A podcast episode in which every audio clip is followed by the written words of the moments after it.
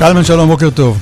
שלום, אסף. אנחנו במשדר מיוחד, מן הסתם, של קלמן ליברמן, כל השעתיים האלה, עם כל העדכונים מיום המלחמה השני הזה, שמתחיל הבוקר.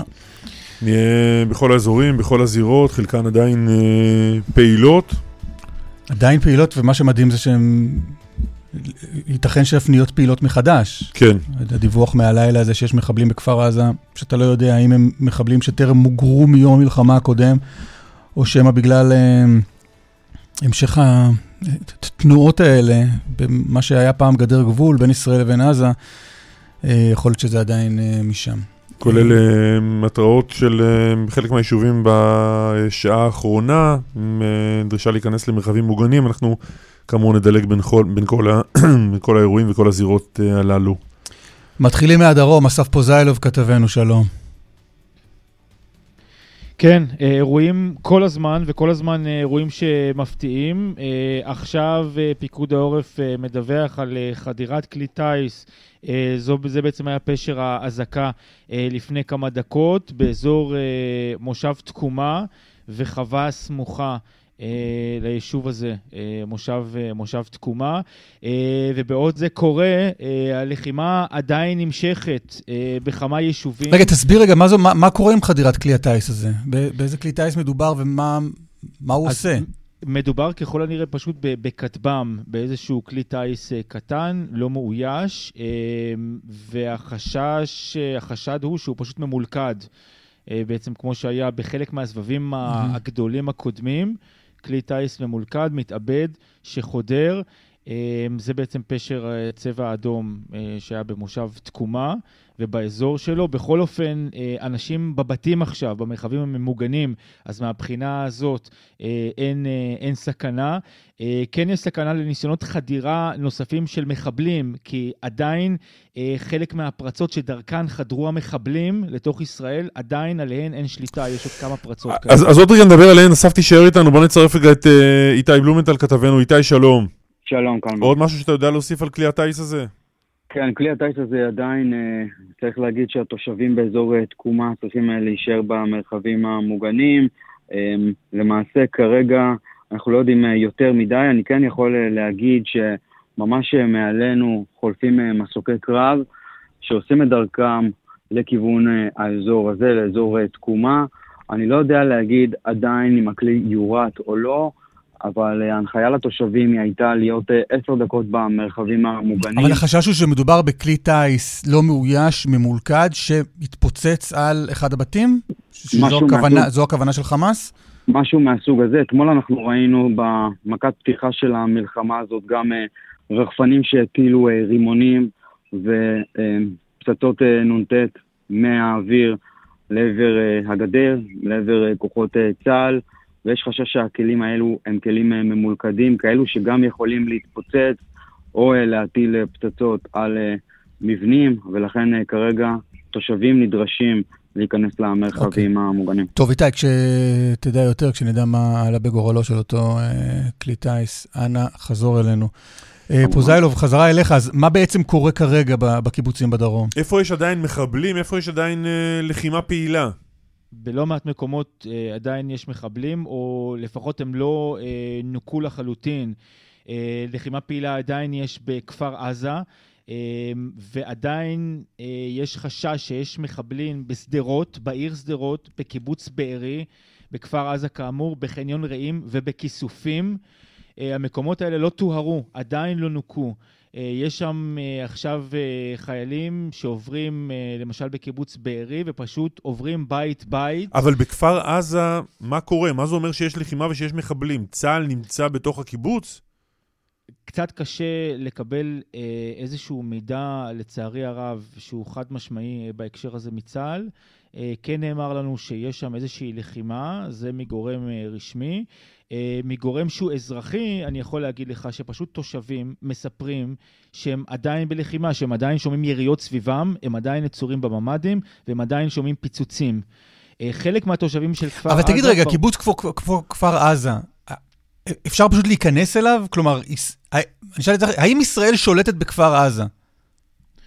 לא חד משמעית, לא. ישראל לא שולטת לא בכפר עזה ב-100%, לא בבארי, לא בשדרות, לא בחניון רעים ולא בכיסופים.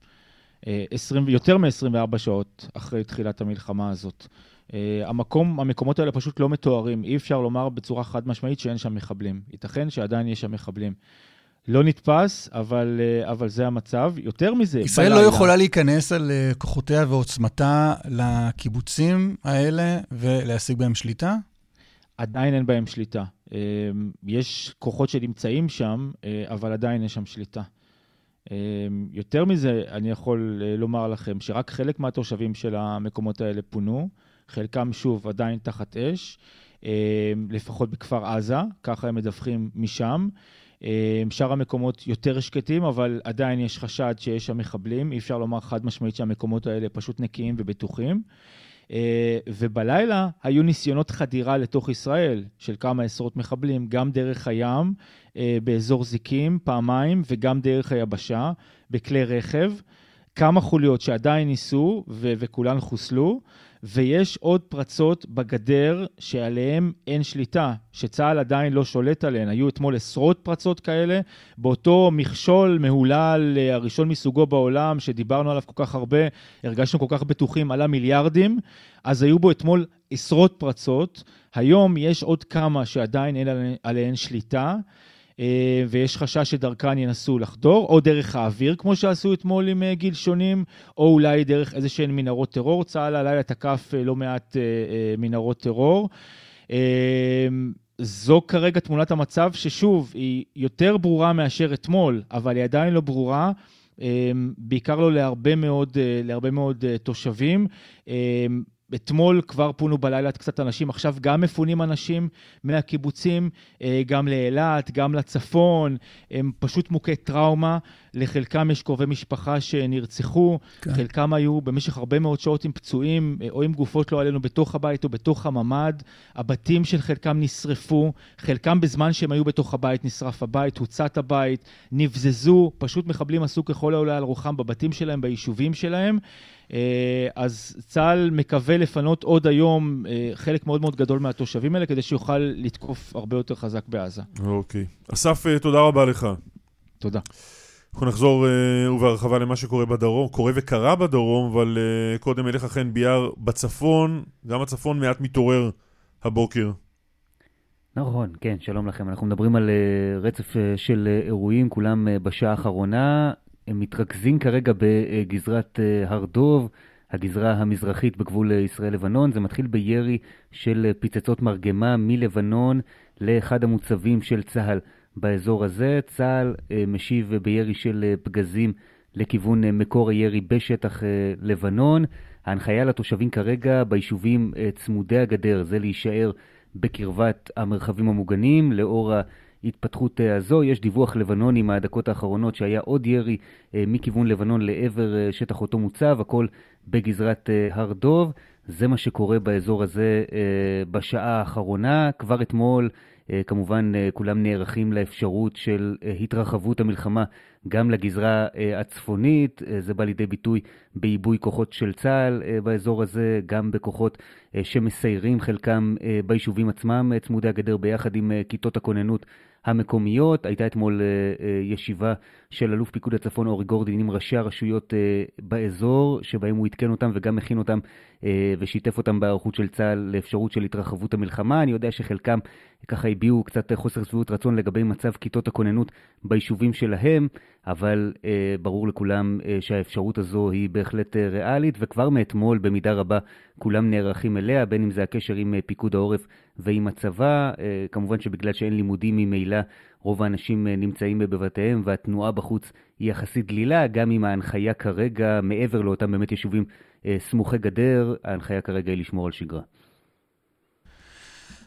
לכן המחשבה היא אבל ש, ש, שאם אם, אם חיזבאללה רוצה להיכנס, אם, אם, אם נסראללה מחליט להיכנס למערכה הזו, אז הוא עושה את זה לא בירי נ"ט נקודתי, נכון?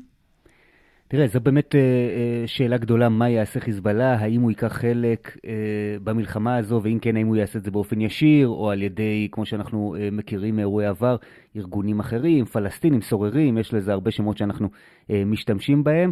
אני כן ככה מסכים, אנחנו עוד עדיין ככה מתבוננים ועוקבים אחרי האירועים הראשוניים האלה בגבול לבנון, אבל אני כן מסכים שיש הבדל בין למשל אירוע כמו שראינו אפילו, אתם יודעים, בפסח האחרון, ירי לעבר יישובים כמו שלומי ויישובים באזור הזה, לבין אירוע שקורה בהר דוב, שהוא עדיין גזרה יחסית מבודדת, בלי הרבה אה, יישובים באזור, בוודאי לא בצד הישראלי. יש הבדל בין הדברים, אבל אנחנו נמצאים כמובן רק ב, ככה בשעה הראשונה אה, לכניסת אזור הצפון למלחמה הזו, ולכן לא צריך לראות כיצד זה מתפתח. תודה, חן. תודה רבה. ואיתנו אה, תושבת מעוטף עזה, אמ, לא נגיד את שמה, אמ, נסיבות השיחה, אני מניח, אה, יהיו אה, ברורות יותר מיד. אה, שלום. שלום וברכה. שלום לך. מה שלומך? אני מקווה שזאת שאלת נימוסים בלבד. ספרי קצת מה עובר עלייך. אני אה, למעשה כבר כמעט 24 שעות מחכה למידע על שני הבנים שלי, בני 12 ו-16, שנחטפו מהבית, מהממ"ד, מחדר השינה שלהם. אה, בשש וחצי בבוקר כולנו התעוררנו לצבע אדום, רצנו לממ"ד, אני לא הייתי בבית, הם, אה, זה סוף שבוע שהם אה, נמצאים בעיקרון עם הגרוש שלי, והם לנים אצלי בבית, אנחנו חיים באותו יישוב, אז בעיקרון אין שום בעיה בדרך כלל, ובמצב נורמלי זה כאילו נשמע מאוד הגיוני להשאיר ילדים בגיל הזה. אה, אבל המתקפה הייתה בכל האזור, ואני הייתי ביישוב אחר באזור. אה, ובשש וחצי כאמור התעוררנו, רצנו לממ"דים, אה, ולכאורה אירוע שאנחנו מתורגלים אליו ורגילים אליו, ליוויתי אותם טלפונית ווידאתי שהם בממ"ד, וחיכינו, ואז התחיל ירי של נק"ל, ירי דיברת איתם אבל עוד לפני זה, כן? כן, כן, דיברתי איתם, דיברתי איתם הייתי איתם על הקו כל כמה דקות. אה, בסביבות אה, רבע לשמונה הם אה, התחילו לשמוע ירי של נשק קל בחוץ, הם התקשרו ואמרו שהם מפחדים שיש יריות בחוץ, והתחילו וואטסאפים מתושבים אחרים ביישוב, שיש כניסה של מחבלים ומסתובבים בבתים ומנסים להיכנס ולפרוץ לבתים. וחלק כבר היו הודעות שנכנסו אליהם לבית. ובסביבות, אני לא אלאה בכל השיחות שעשיתי איתם, אבל בסביבות שמונה וחצי הייתה השיחה האחרונה שהם הרימו לי טלפון ואמרו שהם שומעים מישהו מנסה לפרוץ ושפורץ את הדלת והם שומעים דיבורים בערבית בתוך הבית. אני חייבת להגיד שבהתחלה חשבתי שהם, אה, שהם מוזים, שהם מספרים סיפור, כי זה היה נשמע לי פשוט לא הגיוני, תלוש. אה, אבל אז כאילו הבנתי שזה אמיתי, ופשוט אמרתי להם, תהיו הכי בשקט שאתם יכולים, ותנסו להישאר בממ"ד. והם היו נעולים בתוך הממ"ד, הדלת של הממ"ד היה סגורה. הם לא היו, חברים, ממ"דים אין להם נעילה. ממ"דים בנויים לנעילת הדף, הם לא בנויים לנעילה בפני חדירת מחבלים. אה, אני חייבת להודות שהיה כאן איזה בחור באזור שהמציא איזו נעילה מאולתרת, ואני כאילו כל הזמן דחיתי את ההתקנה של זה. אני מצטערת, ממש שזה לא היה פה. פשוט תקחו שני ילדים, פתחו להם את הדלת, אני שומעת את הצעיר שלי שהיה איתי על הקו בטלפון, אומר להם, אבל אני צעיר, אל תיקחו אותי. וזהו, והשיחה התנתקה. ואת שומעת את כל זה בטלפון? את כל זה אני שומעת באונליין בטלפון. אה, זהו, אה, מאז לא שמעתי מהם. אני יודעת שהם שם, כי שמעתי את זה קורה ב live. אה, עדיין לא הצלחתי לאתר תמונות, אני מנסה בכל מיני דרכים לאתר מתוך הסרטונים כדי לוודא שהם שם. אה, רבים, רבים, רבים מאוד מהיישוב שלי נלקחו, רבים, ילדים מגיל שנתיים, צעירים יותר ממה ששמעתי, גם תינוקות, אימהות, זקנים מעל גיל 85, אנשים נכים, אנשים אוטיסטים, כאילו באמת, פשוט לקחו חצי יישוב לשם.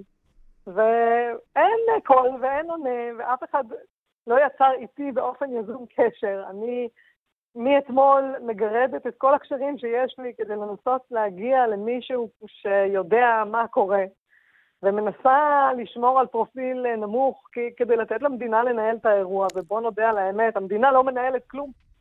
לקח לצה"ל שש שעות להגיע ליישוב. צה"ל עדיין לא השתלט על האירוע בחלק מהיישובים, אני כרגע עדיין נצורה בבית, עדיין אסור לנו לצאת.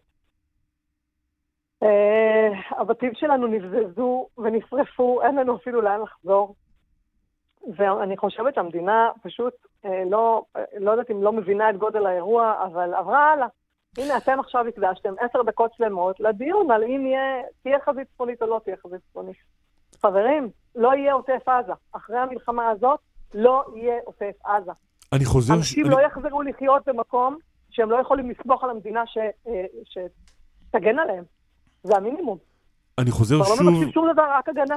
אני חוזר שוב אל, ה...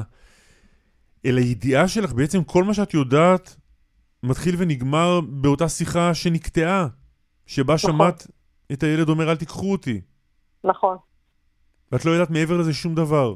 אני לא יודעת מעבר לזה שום דבר. את מניחה מה שאפשר להניח. אני מניחה, כי כמו חצי קיבוץ, הם נעלמו, אז לאן הם ייעלמו? חז, חזרת חזרה הביתה באיזשהו שלב? כלומר... לא, אני לא יכולה, אני נצורה ביישוב אחר. הבת שלי הגדולה נצורה ב- ביישוב שלי. אה, בלילה ריכזו אותם לאיזה מבנה בית ילדים כדי שאפשר יהיה להגן עליהם, אז אה, הלינה הייתה, חזרו ללינה המשותפת. לא שהם לנו יותר מדי, כן, בוא נודה, אף אחד מאיתנו לא באמת ישן הלילה. אה, אני תקועה פה, היא תקועה שם, עוד לא שחררו אותנו, עוד לא מדברים איתנו על פינוי, למרות שיש תוכנית וזה ברור שאפשר. אה, אני מניחה שפשוט השטח עוד לא מאפשר את זה. ואנחנו פה, אני שומעת ממנה זוועות, אני עוד לא הייתי בחוץ, אז אני אפילו לא יודעת להגיד לך אם יש לי אוטו לנסוע איתו או לא. אה, אבל אני שומעת זוועות זוועות אמיתיות מהיישוב שלי. אה, הרוגים, הרבה מאוד הרוגים, הרבה פצועים והרבה הרבה חטופים. אה, היישובים מפורקים. והתחושה היא שאתה יודע, כאילו גם המועצה מפורקת, אה, ואין כוחות שינהלו פה את האירוע. זאת התחושה. ובעיקר בהיבט של, של בוא, יש למעלה מ-100 חטופים, אני לא רוצה להגיד מספרים, לפי דעתי יש הרבה יותר, אבל אני לא רוצה להגיד מספרים. אזרחים תמימים, ילדים, ילדים וקשישים. חבר'ה, זה האירוע, זה האירוע, לא הבניין שמפילים ולא החזית בצפון, זה האירוע, בזה צריך להתמקד עכשיו. כל יהבנו צריך להיות שם. אנחנו כבר יודעים ששבויים, אם לא מטפלים בהם בדקה הראשונה, אין יותר אחר כך. לא יהיה למי, לא יהיה. פשוט לא יהיה איך לאתר אותם. ואנחנו לא מדברים על אחד או שניים, אנחנו לא מדברים על חיילים, אנחנו מדברים על אזרחים, ילדים, תמימים, קשישים, נכים, מוגבלים. כאילו מה? איפה המדינה? ואני מודה שהרגשתי שגם התקשורת קצת איבדה, איבדה עניין, כאילו זה האירוע של אתמול, יאללה, בסדר, עוברים הלאה לצפון. חבר'ה, לא, אל תעברו הלאה. אל תשאירו אותנו לבד עם זה. אין מוקד לאומי, אין למי לפנות. פתחו מוקד באיירפורט סיטי, חבר'ה. איך אני אגיע לאיירפורט סיטי? אני נצורה ביישוב בעוטף עזה. זה פשוט אטימות, אין לי מילה אחרת. סליחה על האמוציונליות. אנחנו מודים לך על השיחה הזו ושולחים חיבוק גדול מכאן. תודה. והלוואי שהדברים ייגמרו בטוב. אני מקווה שהמדינה תשים בראש סדר העדיפויות שלה כרגע להוציא את האנשים האלה חזרה הביתה. זה הדבר הכי חשוב, זה ילדים. לא מגיע להם. הם לא צריכים להיות הקורבן של הדבר הזה, והם לא צריכים להיות כלי למשא ומתן. הם צריכים להיות בבית שלהם, שהוא כרגע שרוף וערוץ וחרוך.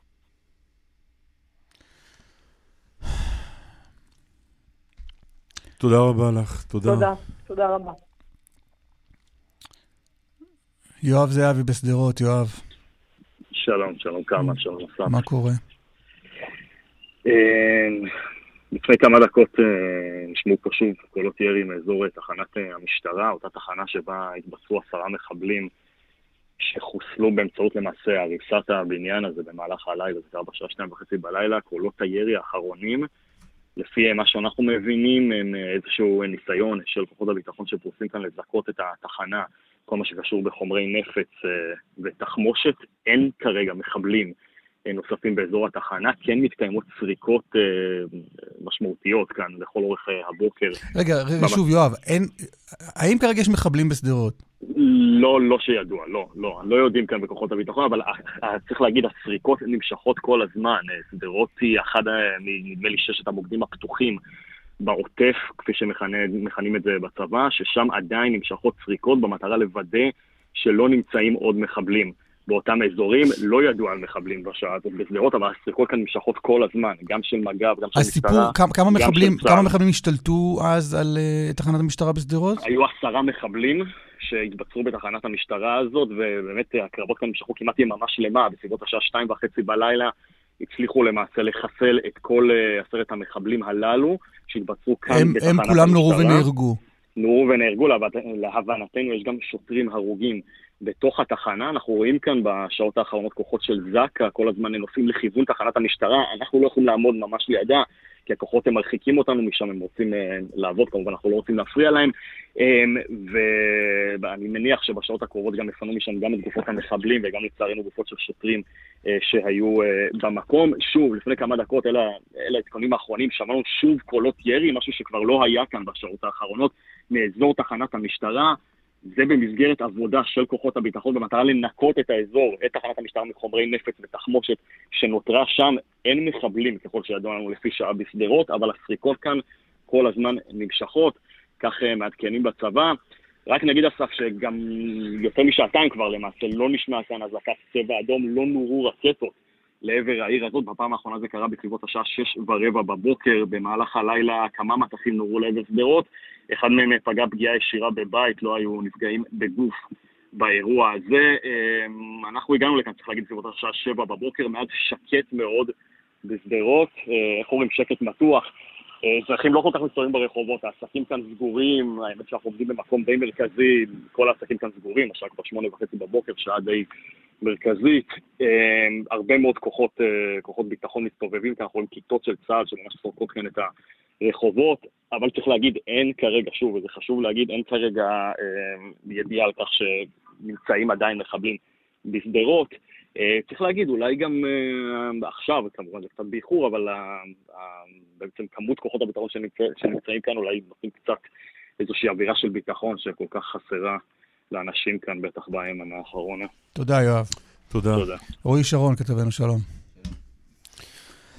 האירוע... קודם כל, קודם כל בצפון, רק אה, אה, ניישר את הפינה הזאת, כי זה אירוע, אירוע שעדיין מתרחש. חיזבאללה מפציץ שם את המוצבים של צה"ל בהר דוב. חיילים שם, לוחמים, נמצאים בעמדות, בתעלות, לקראת אפשרות שאחרי הפצצה כזאת אה, תבוא גם חדירה של חיזבאללה. דריכות שיא שם במוצבים בהר דוב, כשצה"ל תקף עם כלי טיס מחיל האוויר את אותו אוהל שחיזבאללה הקים שם בגזרת הר דוב. זה מה שקורה כרגע בגזרה הצפונית. כשכמובן מעל זה מרחפת הכותרת התרחיש הרב-זירתי שממנו מאוד uh, מנסים בישראל להימנע, אבל זה בהחלט תרחיש ריאלי, וזאת הסיבה גם שצה"ל תגבר את פיקוד הצפון, גם את פיקוד הצפון בכוחות uh, מילואים וכוחות סדירים. אתה יודע להסביר, אה, שאלנו לפני זה את פוזיילוב, uh, בכל המקומות האלה, כמו כפר עזה, שמדובר על הימצאותם uh, של מחבלים, על המשך לחימה כזו או אחרת, איך זה נראה בשטח? צה"ל נמצא בתוך המקומות האלה, מה קורה שם? צה"ל נמצא עם אלפי לוחמים, 35 גדודים ועוד uh, כמה אוגדות שירדו אתמול uh, לדרום. Uh, דובר צה"ל אמר לנו בבוקר שיש בכל יישוב, בכל נקודת uh, יישוב בעוטף עזה, יש הרבה מאוד כוחות, כוחות מיוחדים וכוחות סדירים וגדודים, אבל עדיין יש את הלחימה בכמה מוקדים. הלחימה הזאת, זה, זה לא תמיד לחימה כרגע שאנחנו שומעים חילופי אש, לפעמים זה עדיין זיהוי של מחבלים, לפעמים היה שם שמיעת ירי, והמקומות הם זיקים, כפר עזה, בארי, רעים, כיסופים וסופה. שם זה עדיין... אני אשאל אותך, לך יש תשובה אחרת. לישראל יש שליטה על המקומות האלה? כלומר, ברמת, זה, זה, זה בריבונות ישראל כרגע? את, את, בריבונות ישראל כן. יש שם כוחות צה"ל, אין שם שליטה של חמאס, אבל זה עדיין רחוק, אנחנו עדיין רחוקים מהנקודה שבה אנחנו יכולים להגיד אין מחבלים חיים בשטח ישראל. זה ייקח עוד שעות. גם אחרי שתושג שליטה מלאה ביישובים האלה שציינתי, כוחות צה"ל יצטרכו לסרוק מיישוב ליישוב, מעץ לעץ, מטר אחרי מטר, את כל יישובי הדרום, כדי לשלול הימצאות של חוליות יש מחבלים. בתים בקיבוץ שעדיין לא הגיעו אליהם? יש בתים כאלה, יש בתים כאלה. ולמה וה- לא מגיעים אליהם? יש עדיין לחימה, זה כוחות מיוחדים. מי שנכנס ל... זה יחידות התערבות. מי שנכנס לאירועים של אה, בני ערובה, של אה, לוחמת שטח בנוי, זה כוחות, אה, כוחות כוננות, כוחות של יחידות מיוחדות. הם הוקפצו אתמול בדקה הראשונה, אבל אלה שהיו בכוננות בסוף שבוע, את השאר היו צריכים להקפיץ מהבתים, ובגלל שהיה ריבוי כל כך גבוה של מוקדים, אתמול הייתה לחימה במקביל ב-22 יישובים בעוטף. זה פרק זמן, בדרך כלל אם מדברים על, על נקודה אחת, על מוקד אחד, זה משהו שיכול, עלול להימשך שעות. פה אנחנו מדברים על יותר מ-20, ולכן זה עדיין, אנחנו 20, 26 שעות כבר אחרי שזה התחיל, אחרי שהמלחמה הזאת נפתחה, ועדיין יש מחבלים בשטח ישראל, ועדיין יש לחימה בכמה מוקדים. כן. הגבול בשליטה? הגבול, כן. דובר צה"ל עדכן אותנו היום שב-29 מוקדי חדירה, 29 מוקדי חד- חדירה דרך המכשול, דרך הגדר, הושגה שליטה. חלקם דרך הים, אה, חלקם דרך המכשול. והבוקר אה, צה"ל השיג שליטה בכל המוקדים האלה, ראינו את התמונות. כלומר, אם- כלומר, מחבלים כבר לא עוברים לא. מעזה לישראל. לא. מה, מ, לפחות מהעדכון שדובר צה"ל, תת-אלוף אה, הגרי מסר לנו הבוקר, אין יותר מעבר של מחבלים. הגבול כרגע, לפחות לפי הדיווח של צה"ל, נתפס ונשלט בידי אה, כוחות הביטחון. מכיוון שהמחבלים אה, של חמאס עושים עדיין מאמצים להמשיך ולחדור, הגדר נראית היום אחרת ממה שהיא נראתה אתמול? כלומר, יש יסוד להניח שאם בעוד שעה ינסו לעשות מה שעשו אתמול, זה ייגמר אחרת? כן, כי עכשיו כבר כל העיניים פקוחות שם, ויש שם אלפי, אם לא יותר מזה, לוחמים של צה"ל שהוזעקו לדרום, קודם כל במאמץ ההגנתי, בכלל לפני שמדברים על התקפה. כרגע צה"ל מושקע בהגנה על יישובי העוטף. לא בטוח שזה חייב להיות, שחייב להיות קשר בין כוחות היבשה שעסוקים בהגנה לבין הכוחות של חיל האוויר שאמורים להיות עסוקים בתקיפה ברצועה, אבל כרגע זה המאמץ העיקרי. קודם כל, לזכות ולטהר ממחבלים, מנוכחות של מחבלים את יישובי העוטף ולסיים כמובן את הלחימה.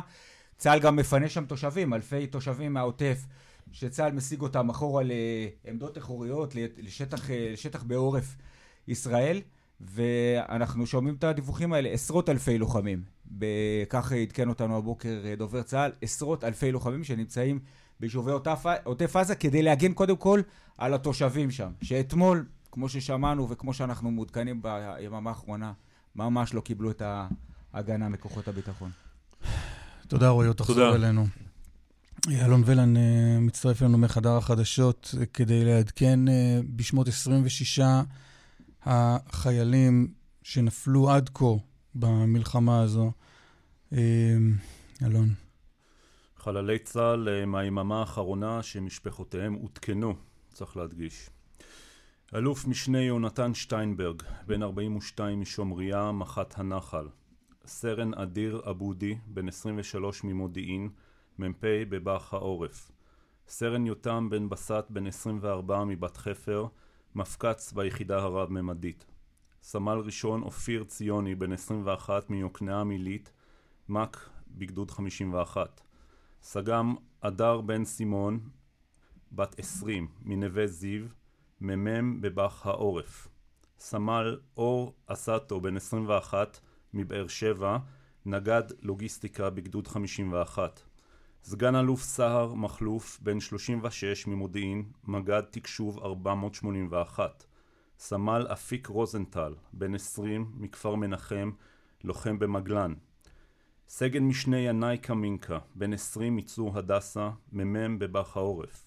סגן אור מוזס, בת 22, מאשדוד, סמ"פ בבאח העורף.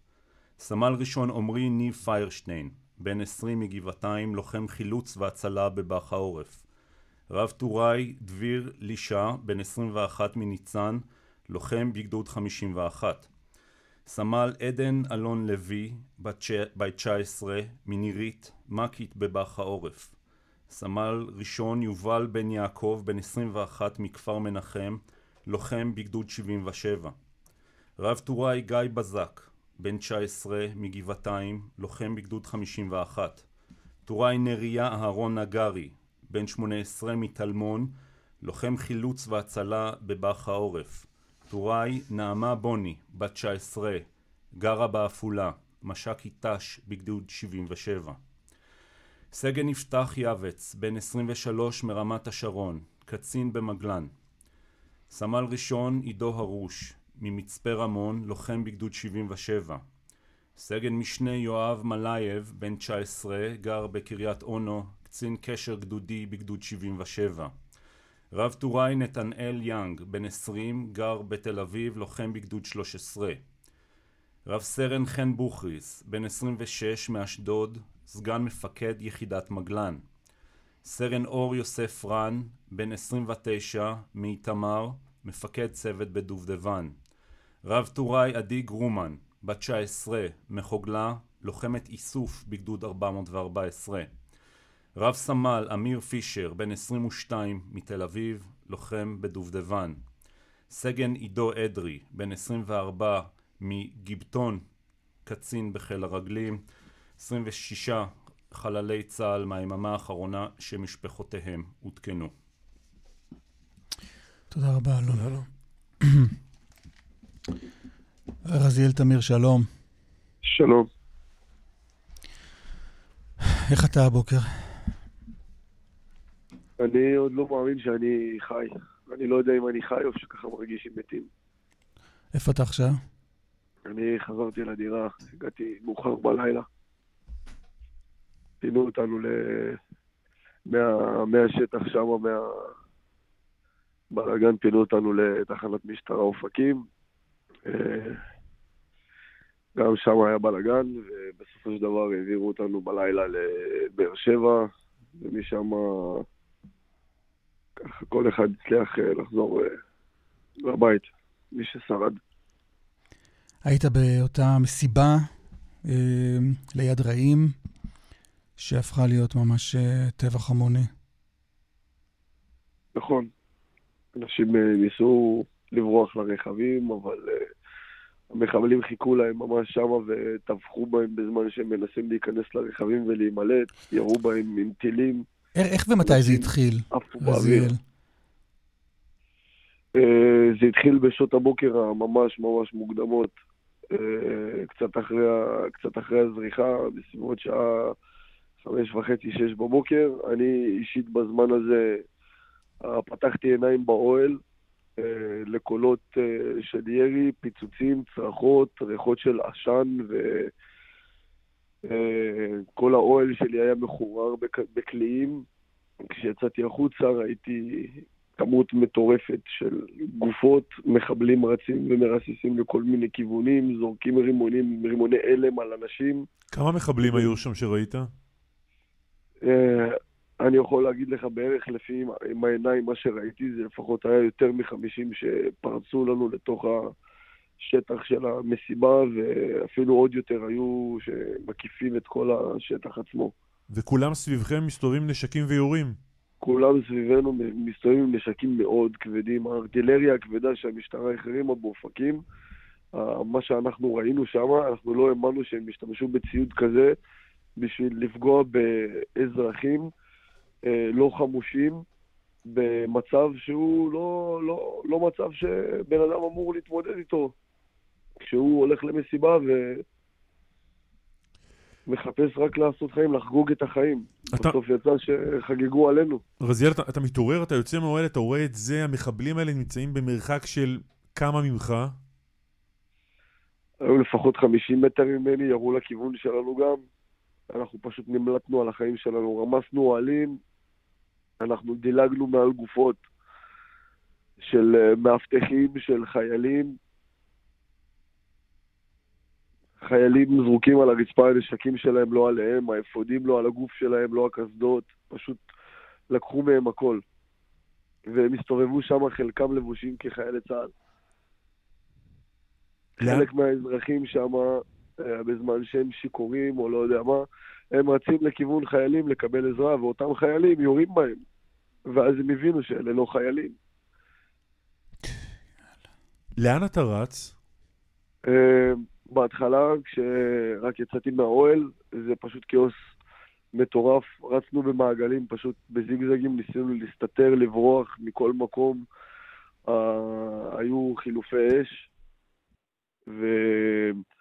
בסופו של דבר המקום היחידי שהיה הכי טוב לרוץ אליו, להסתתר בו, זה היה הפרדס הסמוך אלינו, שרוב ה... רוב האזרחים, רוב הקהל שהיה שם פשוט נכנס לפרדס להסתתר מאחורי השיחים.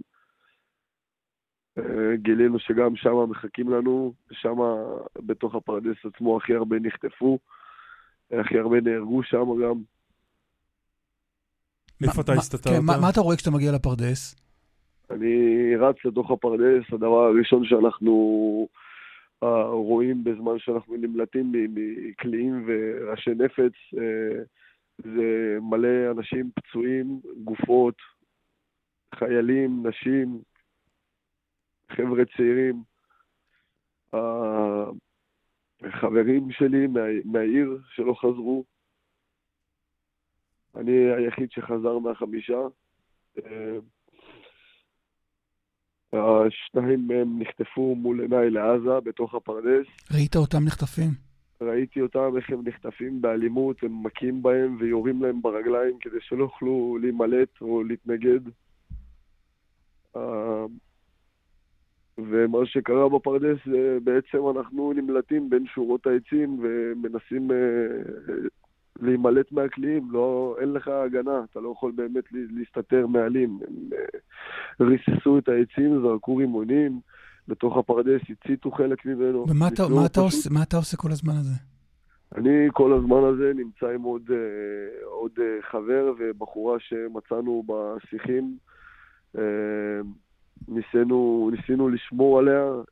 אתם יושבים, ומסת... אתם יושבים ומסתתרים בתוך אנחנו שיח? אנחנו שוכבים על הרצפה מתחת לשיחים בפרדס, וממש שוכבים פיזית על הרצפה, מכסים את עצמנו באדמה ועלים. אה, וכל מה שאפשר כדי לא לחשוף את הבגדים שלנו, את האור גוף שלנו. אה, מחבלים מסתובבים שם בין השורות ופשוט מרססים לרצפה ולגובה העצים, כי הם יודעים שהאזרחים מתחבאים בפנים. וזה פשוט היה נס שיצאנו משם בלי, בלי, בלי שריטה. כמה זמן לקח עד ששמעתם שקט מסביב, שהמחבלים כבר לא נמצאים שם? אה, לא היה לנו שקט עד שלא, עד שלא חולצנו, וגם בזמן החילוץ אה, חולצנו תחת אש כבדה מאוד. מי חילץ אתכם? אה, צה"ל. כמה, זמן, אה, כמה זמן זה לקח אחרי תחילת האירוע? שעות ארוכות, מעל השבע שעות, אני חושב. שבע שעות. כל העניין הזה התחיל מאוד מוקדם בבוקר.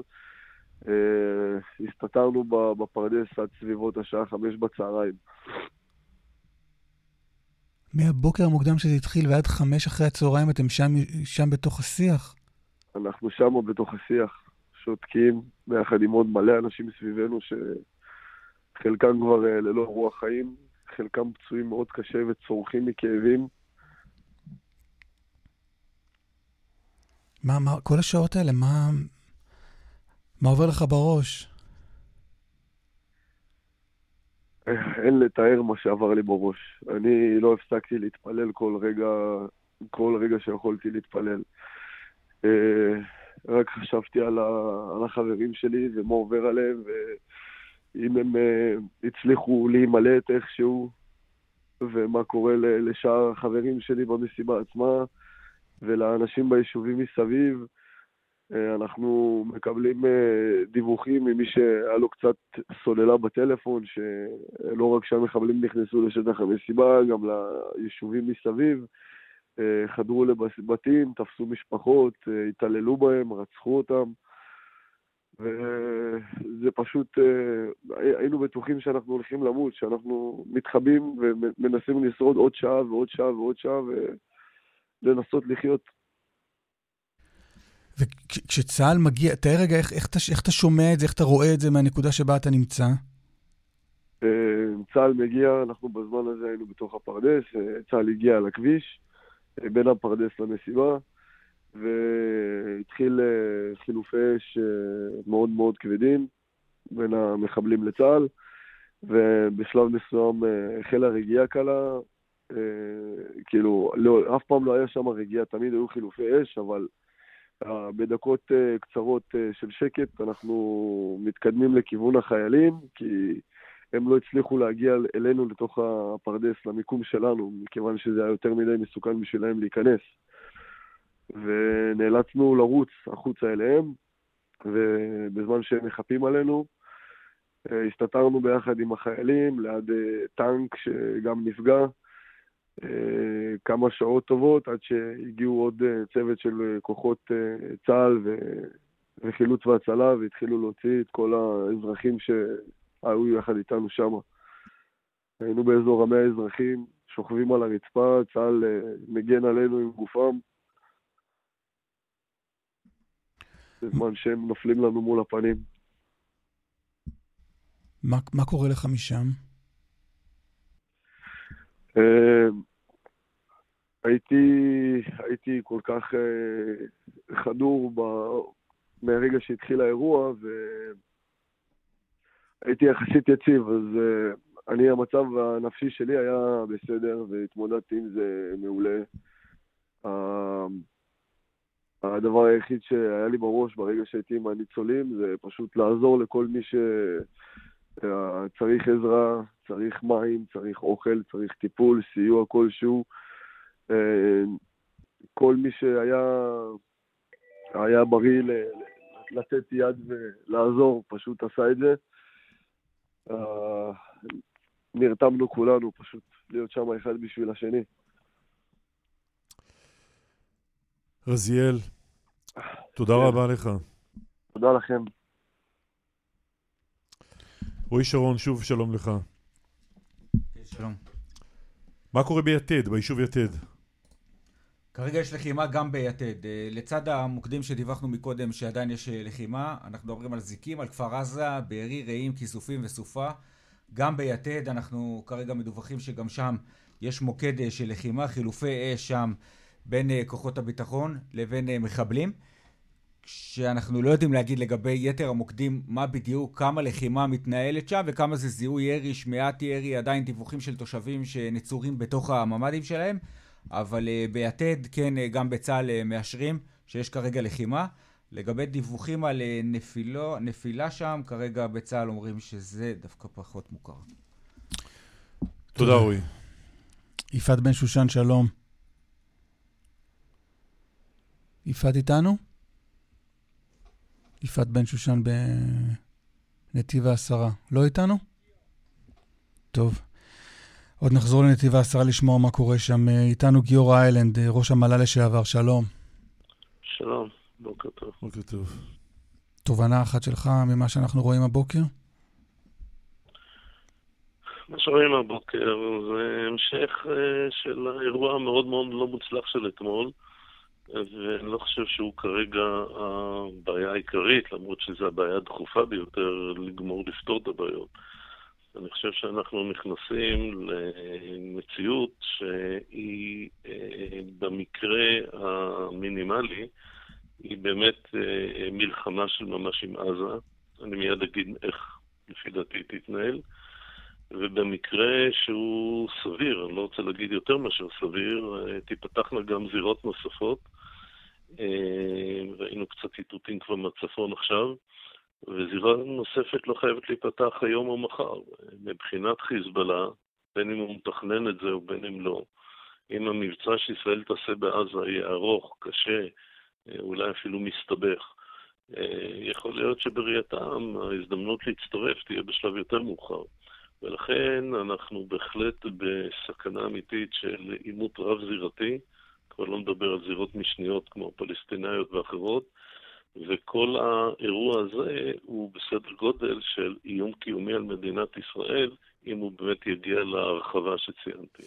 די מדומה, אה, גיורא איילן, די מדהימה העובדה שאנחנו כבר אה, למעלה מיממה אחרי תחילת האירוע הזה, וצה"ל עוד לא שולט ביישובים. זה נכון, אני לא... לצערי היו טעויות או תקלות או כישלונות בסדר גודל יותר גדול באירוע הזה. לא, זה ברור, יש צריך להפריד, יש את הטעויות, הכישלון, איך שלא תקרא לזה, של, של איך שפרץ כל האירוע הזה, זה עניין אחד. העניין השני הוא שאנחנו נמצאים כבר למעלה מיממה אחרי, ולא לא קרובים לסיום של זה, בשטחנו. אז, אז זה נכון, אין לי כמובן אה, נגישות למה שקורה שם, אני יודע מתדרכים שאנחנו מקבלים בעיקר מדובר צה"ל. אה, כבר אתמול בעצם הגיעו כוחות, כולל ובדגש כוחות מיוחדים לכל 22 היישובים או המוקדים שבהם האירוע. ובניגוד למה שהיה אתמול, אין כרגע בלבול ואין כרגע מחסור בכוח, ויש פיקוד מסודר בכל אחד מהיישובים. העניין הוא שאתה מגיע ליישוב, לכאורה יכול להיות שקט, אתה לא יודע אם לא מסתתר לך באיזשהו בית אה, חוליה של מחבלים, אתה גם לא יודע אם יש איתם או אין איתם אה, אזרחים, אה, וזה מחייב של הליכה מבית לבית, מחדר לחדר, ולא באש, כי אתה לא יודע אם בוא תפגע גם אנשים נוספים. אז העסק הזה הוא מסובך, ולכן דווקא במקרה הזה אני במרכאות יחסית יותר סלחן, ואני מניח שהיום, ששעות אור עוד רבות לפנינו, אה, גם המוקדים שעוד ישנם אה, ייפתרו, כפי שקרה במקומות אחרים. אמרת, אמרת, מה, רגע, אמרת יש סכנה, יש איום קיומי על מדינת ישראל כרגע? אני, אני, רוצה, אני, אני רוצה להסביר ככה. אם המלחמה אה, בעזה תתרחב לחזיתות נוספות, אני מזכיר, האויבים שלנו זה חיזבאללה, זה מיליציות שיעיות בסוריה ובעיראק עם יכולות מאוד מרשימות לראות טילים מדויקים על ישראל. יש כאלה, אגב, גם בתימן, גם בהם לא הייתי מזלזל. אם הפלסטינאים באיו"ש, ואפילו בלי קשר לדבר אחר, יגידו, וואלה, הגדר זה שום דבר, בואו נפרוץ את הגדר. ונראה נהירה של חמושים אה, מהגדה לכיוון מטול כרם, אם תרצה, לכיוון נתניה, ואם תרצה מג'נין לכיוון עפולה. אה, וכמובן אפשרות של הצטרפות של ערביי ישראל שעד כאן לא קרתה. אה, כל התרחיש הזה, אגב, זה תרחיש שנצבע והוגדר מזמן, גם על ידי אמ"ן, אה, כתרחיש סביר ל-2023. אם הוא יקרה במלואו, ישראל היא במלחמה שהיא לא פחות מאשר קיומית, אבל אני מסכים שכרגע... תסביר את המילה הזו, כי... תסביר את המילה הזו קיומית. אני אסביר קיומית. מלחמה קיומית זה אומר שמדינת ישראל, גם אם בשלב מסוים תעדוף את האויבים ותצליח אה, למנוע, נגיד, אה, או להחזיר אותם אחורנית, אה, המדינה לא תוכל להתקיים כפי שהתקיימה. א', ייפגעו פה תשתיות אזרחיות בסדר גודל שאנחנו נתקשה מאוד לחיות פה בלי חשמל ובלי מים ובלי תקשורת. ב', יישובים שהם קרובים לגבול, לאו דווקא בעזה. יש יישובים קרובים לגבול לאורך כל מדינת ישראל. אה, יהיה פה תגובות אה, שאנחנו קשה לצפות אותן כרגע, ודברים שהתחילו אצלנו בקטן מסיבות לגמרי לגמרי אחרות, כולל מחשבות של אליטות כאלה אחרות לעזוב את המדינה, יכולות לקבל פה תאוצה. ומדינת ישראל אז לא תחזור להיות את מה שהיא הייתה, כי בלי שיש לה יכולת להקרין אה, כוח, ולא רק כוח צבאי, אלא כוח אזרחי, אין לה זכות קיום. עכשיו, אני לא אומר שהתרחיש האפוקליפטי כזה בהכרח יקרה, אבל אני אומר, אני לא יכול לשלול אותו. אני, לא נעים להגיד, אני מצטט את עצמי, כי אני כתבתי ואמרתי את זה כבר לפני שלושה חודשים, אני מקווה שלא נגיע אליו. אבל בואו נגיע רגע אחד לדבר שהוא כן ודאי, זה המלחמה בעזה, ופה אני רוצה להגיד דבר אחד. אה, השימוש שמשתמשים בו במושגים ארגון הטרור חמאס הוא שגוי. מדינת עזה פתחה במלחמה נגד מדינת ישראל. עכשיו, כשאתה במלחמה טוטאלית נגד מדינה, אתה לא נלחם רק נגד הכוח הצבאי שלה, אתה נלחם נגד היכולת שלה להילחם, וזה בראש ובראשונה יכולת כלכלית. עכשיו, ישראל צריכה, אני אומר פה דברים מרחיקי לכת, לא רק להפסיק את החשמל בעזה, ולא רק להפסיק אה, להעביר אה, גז ודלק וסולר ומעברים למזון, אלא ישראל צריכה לפגוע בכל מה שמאפשר בעצם קיום בעזה. אני אגע בנקודה הכי רגישה. 90% מהמים ששותים בעזה הם אמנם מבארות מקומיים, אבל בארות שהמים הם מים מליחים. ועל מנת שהם יוכלו להיות אה, ראויים לשתייה, יש שם מתקני טיהור שהופכים את המים האלה למים ראויים לשתייה. אם ישראל תפגע בכל ה-20 בארות שזה מה שהם עושים, אין מים בעזה, ואז יכולה להיכנס לאסון הומניטרי נורא. עכשיו, אני לא מחפש את זה, אבל אם מישהו מצפה לראות את העשרות השבויים הישראלים, ובתוכם כל כך הרבה אזרחים, נשים וילדים, שזה לא יאומן, וישראל תעשה את מה שאני חושב שנכון לעשות, וכל העולם... אה, לא הבנתי, אז, לא הבנתי מה שאתה אומר, נכון או לא נכון לעשות את זה? ודאי שנכון לעשות את זה. לנתק, כי... אותם, לנתק אותם מהמים. אני, אני אומר לנתק מכל מקור של חיים, ותמיד אתה יכול להגיד לכל העולם שיגיד לך, אבל אתה מביא פה לאסון הומניטרי כבד, אתה אומר, אוקיי, אני אשמח מאוד לפתוח ולחדש את העניינים האלה, אבל גם לי יש בעיה הומניטרית, יש לי עשרות אזרחים אה, שהם שבויים, אלוהים יודע באיזה תנאים שם בעזה, ומי שרוצה אה, שיהיה מים לשתות בעזה ושהמדינה שם לא תקרוס ולא יערמו שם אלפי גופות שאף אחד לא יודע לפנות אותם, כי גם בית חולים לא יפעל. אז... אה, שזה משהו שישראל יכולה, אתה אומר, זה משהו שישראל יכולה וצריכה לעשות עכשיו, להפסיק את נכון. אספקת המים לעזה. לא רק להפסיק, ישראל מספקת חלק קטן מהמים. ישראל צריכה להתחיל לפגוע אחד אחרי השני באותם בעצם הבארות שבלעדיהם אין מים בעזה. לא, בסדר, להספיק את אספקת המים לא אומר שישראל, אתה אומר, תפסיק להעביר מים לעזה, אלא נכון. לגרום להפסקת המים בעזה. תראה, אתה לא יכול לנצח מלחמה טוטאלית נגד מדינה אם כל מה שאתה עושה זה מנסה להילחם נגד החיילים שלה. ואני לא אומר שאת זה לא נעשה, ואני לא אומר שלא תהיה פה פעולה קרקעית. יש פה הרבה דברים נוספים שכנראה יוכלו לעשות. אם אתם רוצים דבר נוסף, ישראל צריכה באמת לנתק לפי דעתי את עזה ממצרים. יכולה לעשות את זה לא במקום אחד בהכרח, אלא בלפחות שניים או שלושה מקומות חליפיים, אה, על מנת בעצם למנוע כל דבר שיכול להיכנס ולצאת. אם אתה לא תעשה את זה, לא תנצח את מדינת עזה. רגע, ומהיכרותך, רועי שרון כאן באולפן עוד רגע שאל אותך שאלה, אבל מהיכרותך עם, עם, עם הנפשות הפועלות בצמרת המדינית והצבאית, אנחנו הולכים לעשות את זה? ההיכרות שלי עם הצמרת המדינית והצבאית עד uh, אתמול היא של אנשים מסוימים, ואני מקווה שגם הם מבינים איזה סוויץ' הם צריכים לעשות בראש שלהם, ודברים שלא ניתן היה להעלות אותם על הדעת במבצעים הקודמים או עד uh, אתמול בבוקר, uh, צריכים להיות האמצעים העיקריים שמדינת ישראל משתמשת בהם, משום שאי אפשר יהיה להשיג את אותו הניצחון הנדרש כרגע ובטח אם אנחנו רוצים להציל את אותם האנשים האומללים שבעצם נפלו בשבי של החמאס. תגיד, אה, אחד השיקולים בתקיפות של חיל האוויר כמדינה, האם מדינת ישראל צריכה לקחת בחשבון גם פגיעה בחטופים? כשעכשיו אנחנו רואים את התקיפות של חיל האוויר, שהן בטח רחוקות מסל היכולות האש של חיל האוויר, זה שיקול שמדינה צריכה לקחת, פגיעה בישראלים שעדיין מוחזקים חיים ברצועה? אז אה, זה כמובן, הדילמה היא לא רק זאת, הדילמה יכולה להיות יותר קשה, הרי חמאס יכול להגיד, תמשיכו בתקיפות, אני מתחיל להוציא אותם להורג.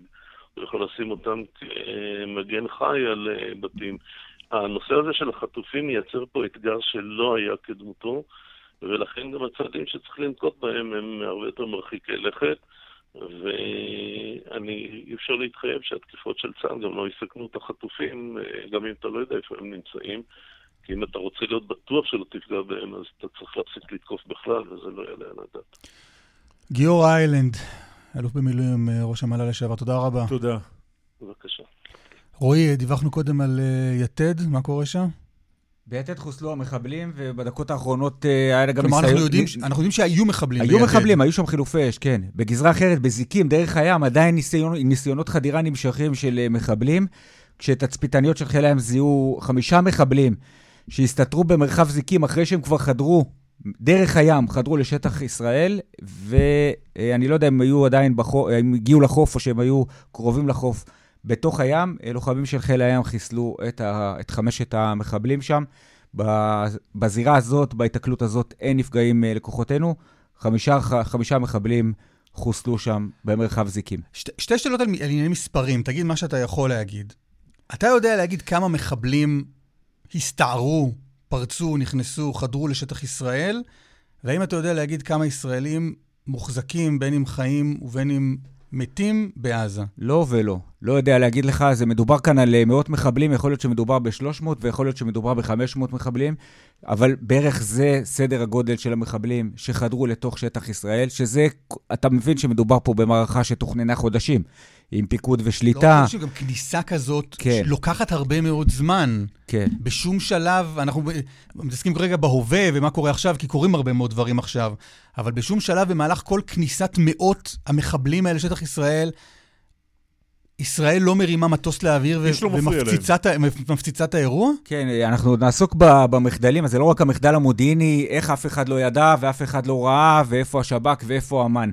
יש גם, גם את המחדל המבצעי של כוחות צה"ל, שמדובר על שריון ועל חי"ר, כל אוגדת עזה, ב- בסיוע כוחות של גם סנסורים וגם רחפנים, וגם חיל האוויר ומסוקי קרב, מסוקי קרב ו- ומטוסים שצריכים להיות בכוננות. וזה נמשך, כמו שאמרת, זה לא, זה לא שתי דקות של, פר, של פריצה, כן. זה לא מוקד אחד, וזה באמת, זה התפקיד של אוגדת עזה, להגן במקרה שהמכשול קורס, שחמאס מפתיע, שהיה מסך שחור ואף אחד במודיעין לא זיהה, זה, אנחנו בהחלט עוד נדבר על המחדלים האלה. ורגע, ומספר, טוב, נדבר על זה אולי בשעה הבאה, אבל מספר אין לנו, מספר של כמה ישראלים מוחזקים בעזה. לא, גם המספרים נעים בין, אה, בין 60 ל-200. טוב, אה, רועי, תודה רבה. תודה. סוף שעה ראשונה שלנו, נחזור אחרי הפרסומות והחדשות עם המשך העדכונים.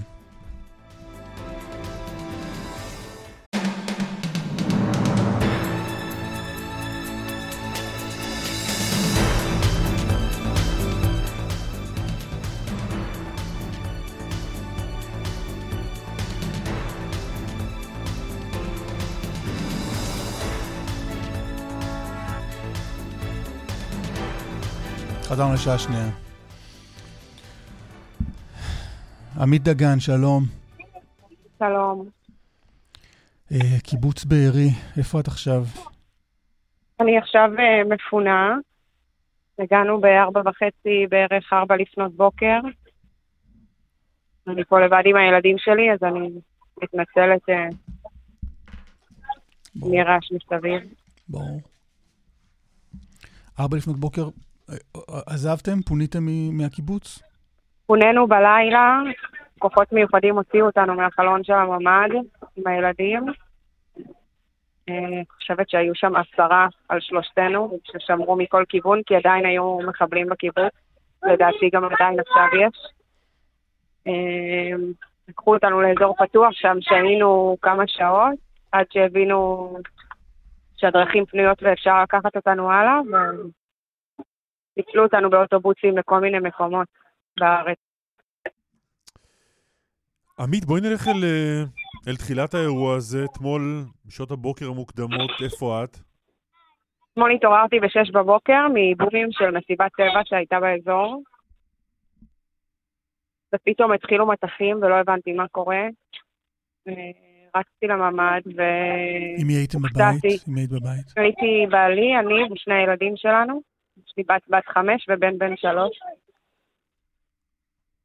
אה, רצנו לממ"ד, זה אני ובעלי, זה העיר את הילדים, הם ישנו בממ"ד, הם לא הבינו מה קורה, ואמרנו להם, יש בומים, וזה בטח ייגמר עוד מעט.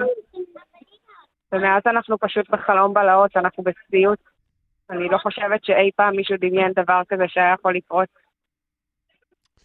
כי מה קרה? בואי נלך... אה... אנחנו בעצם משש וחצי סגורים בממ"ד. שלאט לאט מתחילות התראות שיש אה, מחבלים שחדרו ליישוב. אה, בעלי בכיתת כוננות, הוא הוקפץ, נשארתי עם הילדים בבית, קראתי לאחד השכנים שיבוא להיות איתי. ננעלנו בממ"ד, מאז לא יצאנו. כל הצרכים שלנו, כל מה שהיינו צריכים עשינו שם, לא יכולנו לצאת, כי היה ממש חשש, היו עשרות של מחבלים בקיבוץ. אחת לכמה שעות בעלי התקשר לשאול אם אנחנו בחיים, שאלתי אם הוא בחיים. לא ידענו יותר מזה כלום, אנחנו עד עכשיו מבולבלים ולא כל כך יודעים מה קרה. היה לנו קבוצת וואטסאפ של האימהות של הקיבוץ שהתרחבה, ושם ניסינו להעביר דיווחים של מי מותקף ומה קורה, והיו פשוט עשרות בכל מקום, בכל בית. הם שרפו, הם ירו, הם באמת באו במטרה מאוד מאוד מאוד מאוד מסוימת. ואת שומעת את כל זה, או שמתעדכנת רק מקבוצת הוואטסאפ? אנחנו שומעים, אנחנו שומעים צעקות בערבית, ואנחנו שומעים יריות, ואנחנו שומעים כלי נשק כבדים יותר, ואנחנו לא יודעים מה קורה. ואומרים לנו שהצבא עוד לא מגיע, לקח המון זמן עד שהגיעו כוחות, הם לא יכלו להיכנס.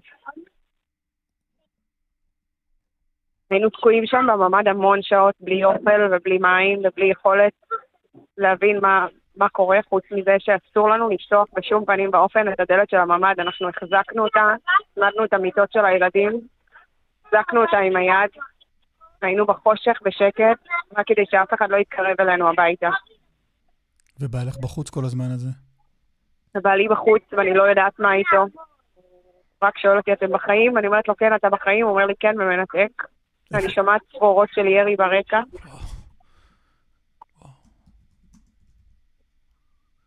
וככה, ומתי הגיעו אליכם? מה עשיתם כל הזמן הזה? היינו ניזונים מקבוצות בוואטסאפ, ממה שהצוותים, שצוות צחי של היישוב ואנשים העבירו מאחד לשני, לא ידענו מה קורה. לא ידענו מתי זה ייגמר, לא ידענו מתי הצבא יגיע. אני אגיד לך את האמת, אני הייתי בטוחה שאני לא אצא מזה בחיים. זו הייתה תחושה פשוט של טבח המוני, הייתי בטוחה שהם הולכים לקצר את היישוב, להשתלט על הכל, ושזהו. ואת מנסה להבין כל הזמן מבעלך מה קורה איתו, ספרי לנו איך הילדים אני, אני מנסה לתפוס אותו, הוא לא עונה, אני מנסה להבין מה היו כל החברים שלי והמשפחה שלי, יש לנו עוד משפחה רחבה בקיבוץ. לא בדיוק מצליחים להבין. חלקם ברחו מהממ"ד כי הציתו את הבית שלהם. הם, המחבלים, כשהם לא הצליחו לפתוח את הדלתות של הממ"ד, הם פשוט הציתו את הבית ואנשים התחילו להיחנק מהעשן בתוך הממ"ד ונאלצו לברוח מקומות שניות ומקומה ראשונה של דלת הממ"ד וקפצו, ברחו לשכנים. זה פשוט חלום בלהות, אין לי מה להגיד. פשוט ציוץ. אני ממש מחכה להתעורר ממנו, ואני כל כך מודה על זה שאני כרגע באזור מבטחים. כל הזמן הזה היה, היה, את, אתם מחכים הרי כל הזמן שמישהו יבוא לחלץ אתכם, נכון? כן, אנחנו לא יודעים מה קורה, והצבא לא מצליח להגיע, והם משתלטים על היישוב, ויש מלא ירי ומלא מחבלים. ובכל מקום נמצאים אבל לא מצליחים להגיע אלייך, ואת בקשר עם מישהו שמנסה להגיע אלייך? אף אחד, הצבא ניסה להיכנס ליישוב. לקח הרבה זמן עד שהם הצליחו. כוח אחד הגיע, הבנתי שהיו פצועים, פינו אותם והביאו כוחות נוספים. אה, היה קרבות בכניסה ליישוב, בניסיון שהכוחות שלנו ייכנסו, הם לבסוף הצליחו להיכנס. מהרגע שהכוחות המיוחדים הצליחו להיכנס, המצב התחיל להרגיש יותר בשליטה, והם באמת לאט לאט התחילו להשתלט על המצב. אה, אבל עדיין יש מחבלים, יש אנשים מבוצרים בבתים. אנחנו לא יודעים במאה אחוז מה קורה, עדיין, עד עכשיו. הילדים אה, שלי ישנו שלוש שעות בלילה, אני שעתיים, זה בערך מה שהצלחנו.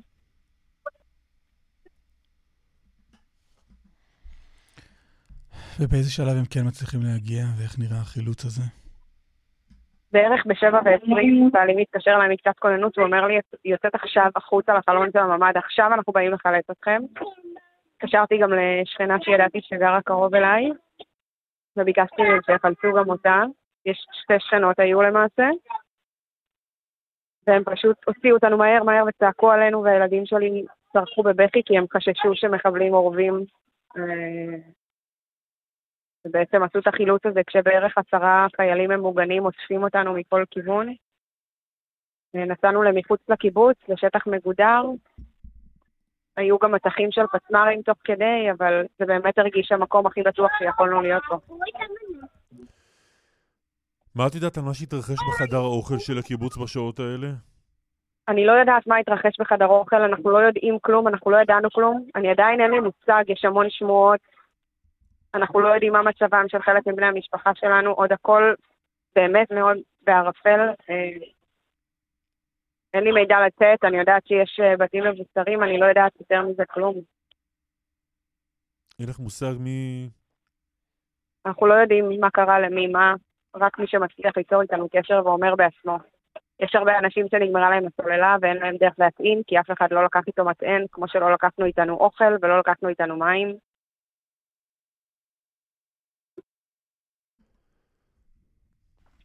אתם כרגע, את, את עם הילדים? אני עכשיו עם הילדים. מה שלום בעלך? בעלי בסדר, הוא עדיין בבארי. מקווה מאוד שהוא יצליח להגיע אלינו היום. תשמרו על עצמכם. עמית, תודה רבה. תודה. תודה לכם, תודה. חן ביאר, אה, אנחנו חוזרים אליך. כן, שוב שלום לכם. אנחנו uh, מדברים כרגע על יוזמה שמתחילים uh, לנקוט בה כרגע באחת המועצות האזוריות uh, באזור גבול uh, הצפון, גבול ישראל-לבנון, מועצה אזורית מטה אשר, לפינוי מרצון של תושבים מהיישובים uh, סמוכי הגדר. מדובר על כמה יישובים uh, בשטח המועצה הזו, בעיקר בגזרה המערבית, אזור uh, ראש הנקרה. Uh, כאמור, מדובר כרגע לא בהנחיה שמגיעה uh, מצה"ל, אלא ביוזמה של המועצה בגלל המתח הגדול והחשש לתושבים ביישובים האלה סמוכי הגדר לאור התפתחויות שיכולות להגיע. לכן הם אה, מתחילים בצעד הזה ומסייעים למי מהתושבים שלהם שרוצה לעבור אה, לאזור אה, עורפי יותר, אם זה קרובי משפחה, אם זה סידור אחר שימצא לו. אנחנו, יכול להיות שנראה עוד יוזמות כאלה מצד הרשויות האחרות, כרגע בוחנים את הדבר הזה, יש כאלה שיותר אוהבים את הכיוון הזה וחושבים שהוא מעניק שקט, יש כאלה דווקא שסבורים שזה גורם למתח מיותר וחרדה. אה, בקרב התושבים. נזכיר שראינו בשעה שעברה את אותו אה, ירי אה, לכיוון מוצבים בהר דוב. צה"ל הגיב לירי הזה בירד בזים, גם לאחר מכן תקף את אותו אוהל של חיזבאללה okay. באזור אוקיי. הר דוב. חיזבאללה לקח אחריות על הפעולה הזאת. חן ביאר, תודה רבה. תודה. תודה. רועי שרון, כאמור, איתנו באולפן. רועי, מה קורה מבחינת הפעולות של צה"ל בעזה? מאז אתמול בבוקר אנחנו רואים תקיפות של חיל האוויר, אבל הרבה פחות ממה שהיינו מצפים בשלב הזה. אם עד עכשיו היינו מורגלים לסבבים, למבצעים, ימי קרב, תקיפות של חיל האוויר, זה בערך מה שאנחנו רואים מאז אתמול. זה נכון שצה"ל תקף גם בניינים רבי קומות, אבל אחרי הקש בגג. וזה נכון שיש אה, חיסולים של חוליות, אבל זה מה שראינו בכל מבצע שהיה עד עכשיו. מה בכל זאת השתנה? כי זה ברור שאנחנו במצב אחר. גם צה"ל אומר אנחנו במלחמה, גם ראש הממשלה אומר אנחנו במלחמה. אבל עדיין, ותמיד בצה"ל מדברים על המונח הזה של לעבור משגרה לחירום. באיזה מהירות צה"ל מצליח לעבור משגרה לחירום. קודם כל ראינו אתמול כשל בנקודה הזאת, זה לקח שעות. אבל האם צה"ל בכלל, ומדינת ישראל והדרג המדיני עשו את ההתאמה בין לעבור מסבב ומבצע למלחמה? ובנקודה הזאת, אז תסביר, אין, תסביר אין לנו ממש סימן שאלה, כי היינו מצפים לראות עכשיו את היכולות האש האדירות של חיל האוויר. מכסחות את הרצועה ומפציצות באגרסיביות את, את הרצועה, את כל היעדים, בלי לחשוב ימינה ושמאלה. אז אולי זה מתחבר לשאלה ששאלת את גיורא איילנד בשעה הקודמת, לעובדה שיש לנו כן. הרבה מאוד אנשים שלנו שמפוזרים ברצועה. אני אגיד לך יותר מזה, בצה"ל, בצה"ל, שנים מדברים גם, אה, גם עם הדרג המדיני, ומהצד השני גם איתנו הכתבים, ומדברים על כל מיני תרחישי מלחמה אפשריים בדרום. תמיד אמרו לנו, המכשול, אין דבר כזה מכשול שהוא בלתי עביר. כל מכשול אפשר לפרוץ. המכשול מאפשר לנו להתגונן. אם תהיה מלחמה, אם חמאס יתכנן פריצה, יש לנו איך להגן. באף תרחיש ששמעתי, ושמעתי הרבה מאוד תרחישים מצה"ל בשנים האחרונות, באף תרחיש זה לא הגיע למה שראינו אתמול ולא מתקרב לזה. ועכשיו, כשאנחנו מדברים באמת, כשצה"ל אומר בשנים האחרונות, אם תהיה מלחמה עם רצועת עזה, אנחנו, זה לא יהיה צוק איתן ולא עופרת יצוקה, זה יהיה הרבה יותר אגרסיבי ואין יותר את המשחק הזה של בלתי מעורבים. אנחנו נוריד את הח... נרד על החמאס מלמעלה עד שהם יצעקו. ואנחנו לא, ואנחנו רחוקים, ואנחנו לא רחוקים מלעשות את זה. ולכן, אבל כן, ולכן... אם אני מחבר אבל את, ה, את המציאות שאתה מתאר להבטחות כבר אתמול, נהפוך את עזה לאיי חורבות, נחזיר אותה, אה, גלנט דיבר על זה ש-50 שנה קדימה הם עוד יזכרו את מה שנעשה להם. מתאם פעולות הממשלה בשטחים אמר לתושבי עזה, חמאס פתח עליכם את שערי הגיהנום. לא, אז אנחנו אני, בינתיים לא רואים את אז זה. אז אני שואל, האם יכול להיות, נוכח המצב הזה שאתה מתאר ונוכח ההצהרות האלה, שצה"ל מתארגן לקראת משהו שיגיע יום מחר מחרתיים. קודם כל, השלב הארגונים הזה, יש תוכניות מבצעיות, יש תוכניות במגירה. לכל, אה, לכל תרחיש יש תשובה מבצעית שצה"ל ישב עליה בשנים האחרונות, הזמינו אותנו לצאלים, ראינו אימונים של צה"ל, הראו לנו את, את ה, איך זה הולך לעבוד, יש לזה שמות. ולכן התשובה היחידה שאני יכול לתת לזה שבישראל, ויש על זה חילוקי דעות, אני גם מדבר עם עם קצינים לשעבר, שמענו כאן קודם את איילנד, אתמול אה, גדי שמני גם ישב באולפן ואמר שמדינת ישראל בשלב הזה לא צריכה לעשות את השיקול הזה של פגיעה בחטופים ישראלים. אז בוא תסביר, מה, מה, ש... מה חושבת ההנהגה כרגע, הצבאית והמדינית? יכול להיות שהם בסוג של חוסר אונים, כי הם באמת נכנסו פה למלכוד והם צריכים לקבל פה החלטות, החלטות שמעולם לא התקבלו במדינת ישראל, גם בשאלה... אם, לא יודע אם אפשר לקרוא לה טקטית, כי, כי, כי היא מאוד דרמטית, אבל באיזה עצימות חיל האוויר עכשיו אמור לתקוף את רצועת עזה, כי כל המזרח התיכון מסתכל אלינו, זה לא רק אנחנו מול חמאס. אבל כמו כולם ש... מסתכלים אם עכשיו... אנחנו איך... שוב... אם אנחנו כאן... מזכירים שוב, רועי, את גיורא איילנד, אז, אז לא רק מהלכים צבאיים של כתישה, אלא הפסקת המים לעזה, זה גם החלטה לדוג... שיכולה להתקבל. כן, תראה, אה, חמאס השיג פה לא תמונת ניצחון, עשרות תמונות ניצחון אתמול. עכשיו ישראל, שום דבר, שום דבר שמדינת ישראל וכל כל מערכת הביטחון תעשה עכשיו, לא ימחק את זה. זה שחמאס השיג את ההישג התודעתי והמבצעי הזה, זה שלו. השאלה איך עכשיו ישראל יוצאת מזה, וזה לעשרות שנים קדימה, זה ישפיע על הביטחון הלאומי שלנו. לא רק חיזבאללה מסתכל על זה, איראן מסתכלת על זה, סעודיה מסתכלת על זה, אפילו המדינות הערביות שעשינו איתן שלום מסתכלות, כולם מסתכלים עלינו עכשיו. ולכן יש כאן שאלה שהיא מאוד אסטרטגית. ולצד זה יש גם את הקונספציה שבה ישראל נפלה בפח, נפלה בהונאה הזאת, שחמאס תמורת כסף, תמורת כלכלה, תמורת פועלים, אפשר להגיע איתו לאיזה שקט, לאיזה סוג של הסדרה קראו לזה, של, של שלום. כשהתברר שמתחת ל, לפני הקרקע ומתחת לרדאר ומתחת לסנסורים, חמאס מתכונן למלחמה ואף אחד פה לא שם לב. אז עכשיו גם כשמדברים, תמיד השאלה הייתה, והיא, אוקיי, נמוטט את חמאס, מה יקרה אחרי זה? ייכנסו ארגונים סלאפים, יש שם כאוס, יש שם דאעש, יש שם אל-קאעידה? היום אני חושב, או אתמול, השאלה הזאת הסתיימה. נכון. האלטרנטיבה כבר לא רלוונטית, נכון. כי חמאס זו האלטרנטיבה הכי גרועה שיש. אבל אתה רואה, אם אנחנו חוזרים לעניין הזה של ההתקפות האלה, שוב, מינוריות, אנחנו קוראים להן מינוריות, כי זה מה כן, שצה"ל עשה עד עכשיו. מדודות ומוגבלות מאוד. אתה רואה את זה נמשך לעוד ימים, את הדבר הזה? תראה, יכול להיות, יש עוד אופציה, שבצה"ל נערכים גם לתרחיש הרב-זירתי. ולכן קודם כל רוצים אה, להזעיק, אה, להקפיץ כוחות לד... לצפון, כדי שנהיה מוכנים לפחות בצפון, כדי שלא נחטוף שידור חוזר ממה שראינו אתמול בדרום, גם, ב, גם בגבול אה, גבול לבנון. זה, אני חושב, אופציה פחות סבירה. אני חושב שהאופציה יותר סבירה זה השיקול של הפגיעה בחטופים. האזרחים, קודם כל, ואחרי זה גם החיילים, שמוחזקים שם חיים, משפחות, מספרים גבוהים מאוד. אבל אני לא יודע אם זה, אם, אני לא, אין לי שום, תק... שום כלי לדעת אם זו החלטה נכונה, צודקת או לא צודקת. אבל זאת, זאת בטח דילמה שעכשיו מונחת לפתח, לפתחו של ראש הממשלה, והוא יצטרך לקבל כאן את ההחלטה המנהיגותית הכי קשה שהוא קיבל אי פעם. תודה, תודה רבה. בואו אה, נצרף שוב את אה, אסף פוזיילוב. אסף שלום. אסף כן, פוזיילוב? כן, אירוע. כן, מה קורה בכפר עזה? שלום. אירוע קשה מאוד בכפר עזה, פשוט אה, לחימה, מלחמה עם חוליות של מחבלים, אה, בזמן שהצליחו להוציא חלק מהתושבים, חלק מהתושבים הנוסף, מחצית מהקיבוץ, נלכדו בפנים, כשעכשיו מתנהלת לחימה קשה, אירוע קשה. עם כוחות צה"ל ועם המחבלים בתוך הקיבוץ אה, כפר אה, עזה. אה, מספרות לי שתי תושבות שהאירוע קשה, יש נפגעים, אה, מגיע הצבא אתמול אה, בלילה וניסה להוציא את המשפחות. אה, לפנות בוקר מהקיבוץ, אמרה אותה אישה, הצורה שהוציאו אותנו מהקיבוץ, בפלמ"ח לא עשו ככה. הוציאו אותנו במעטה החשיכה, דרך התעלות בשדה, בהליכה שפופה. אני למעלה מגיל 70, עוד אישה בת יותר מ-80 ועוד אנשים מבוגרים וילדים, פשוט בהליכה שפופה דרך השדה בלילה.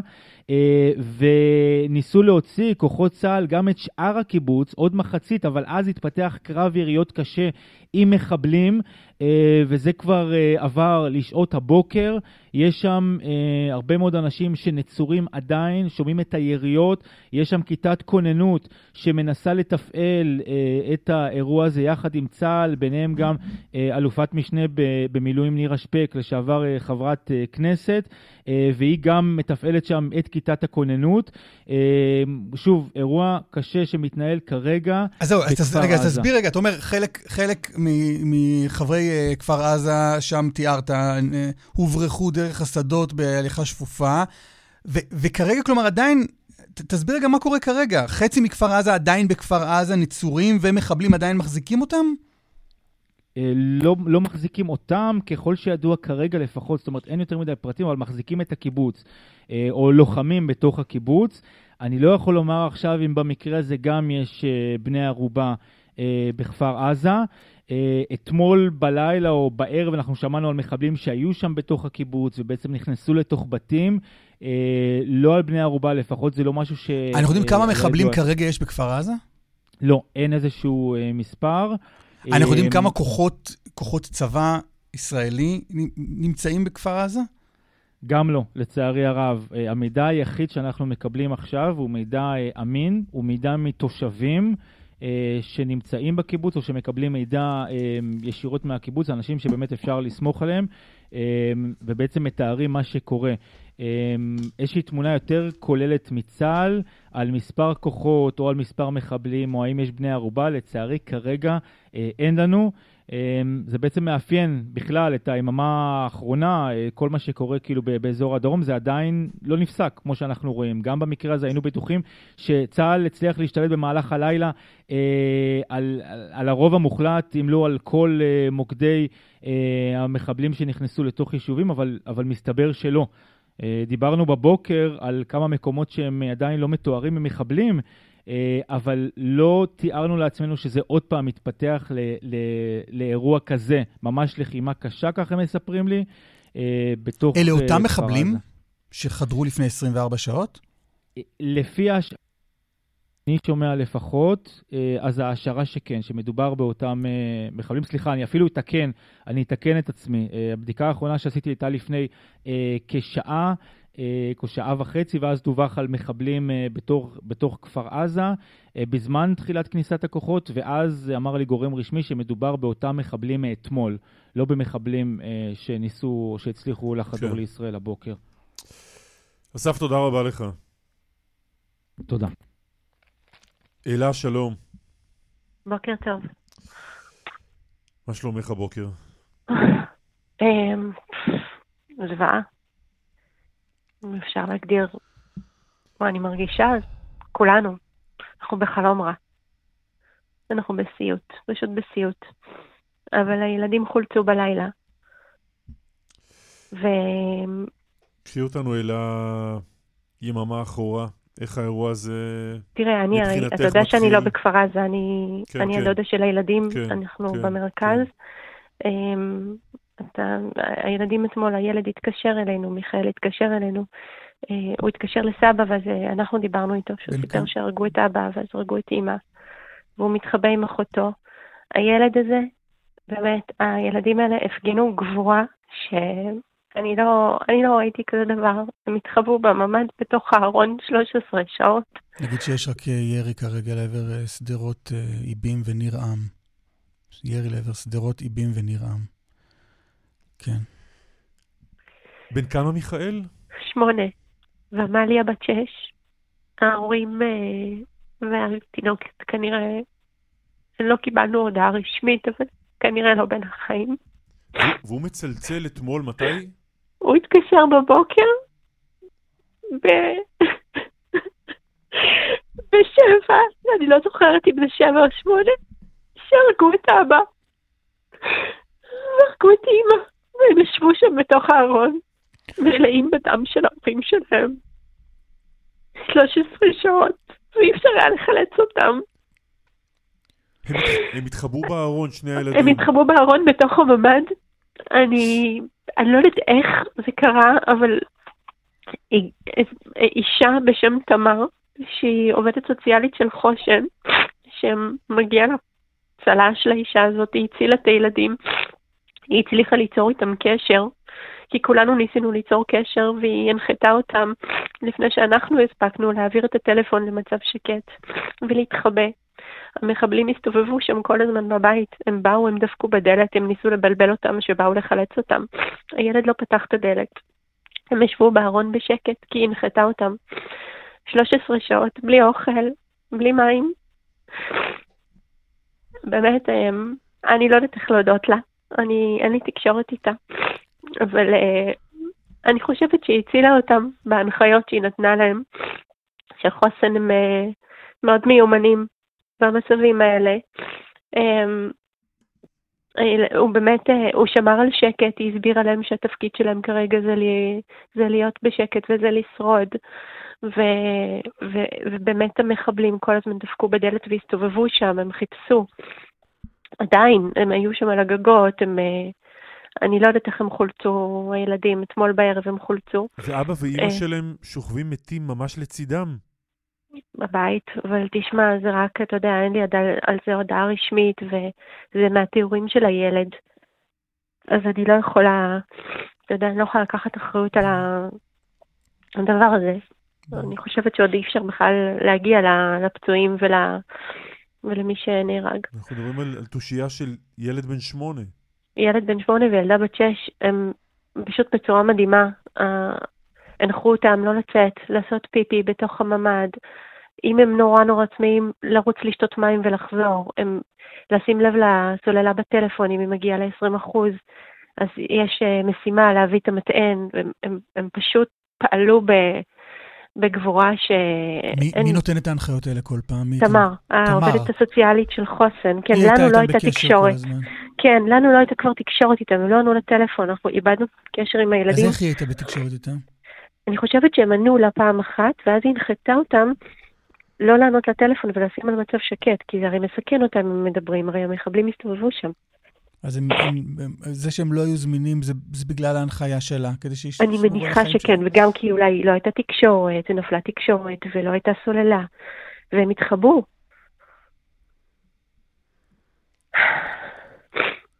והם שעות ארוכות יושבים שם בארון. 13 שעות. 13 שעות. אני לא יודעת, אולי יותר, אני לא יודעת. אני קצת אאוט בחישובים. יכול להיות שאולי יותר. איך, איך הם חולצו? אה, אנחנו קיבלנו טלפון. אה, אה, קיבלנו, תשמע, היה פה חמ"ל שלם. אני הרי הספרתי לך שכתבתי פוסטים והגעתי לתקשורת ולכל מי שיכולתי בצבא, במשטרה, ב... לא יודעת, באיזשהו שלב אמרתי לך שהשתלטו לי כל מיני בוטים והאקרים פלסטינאים על, ה...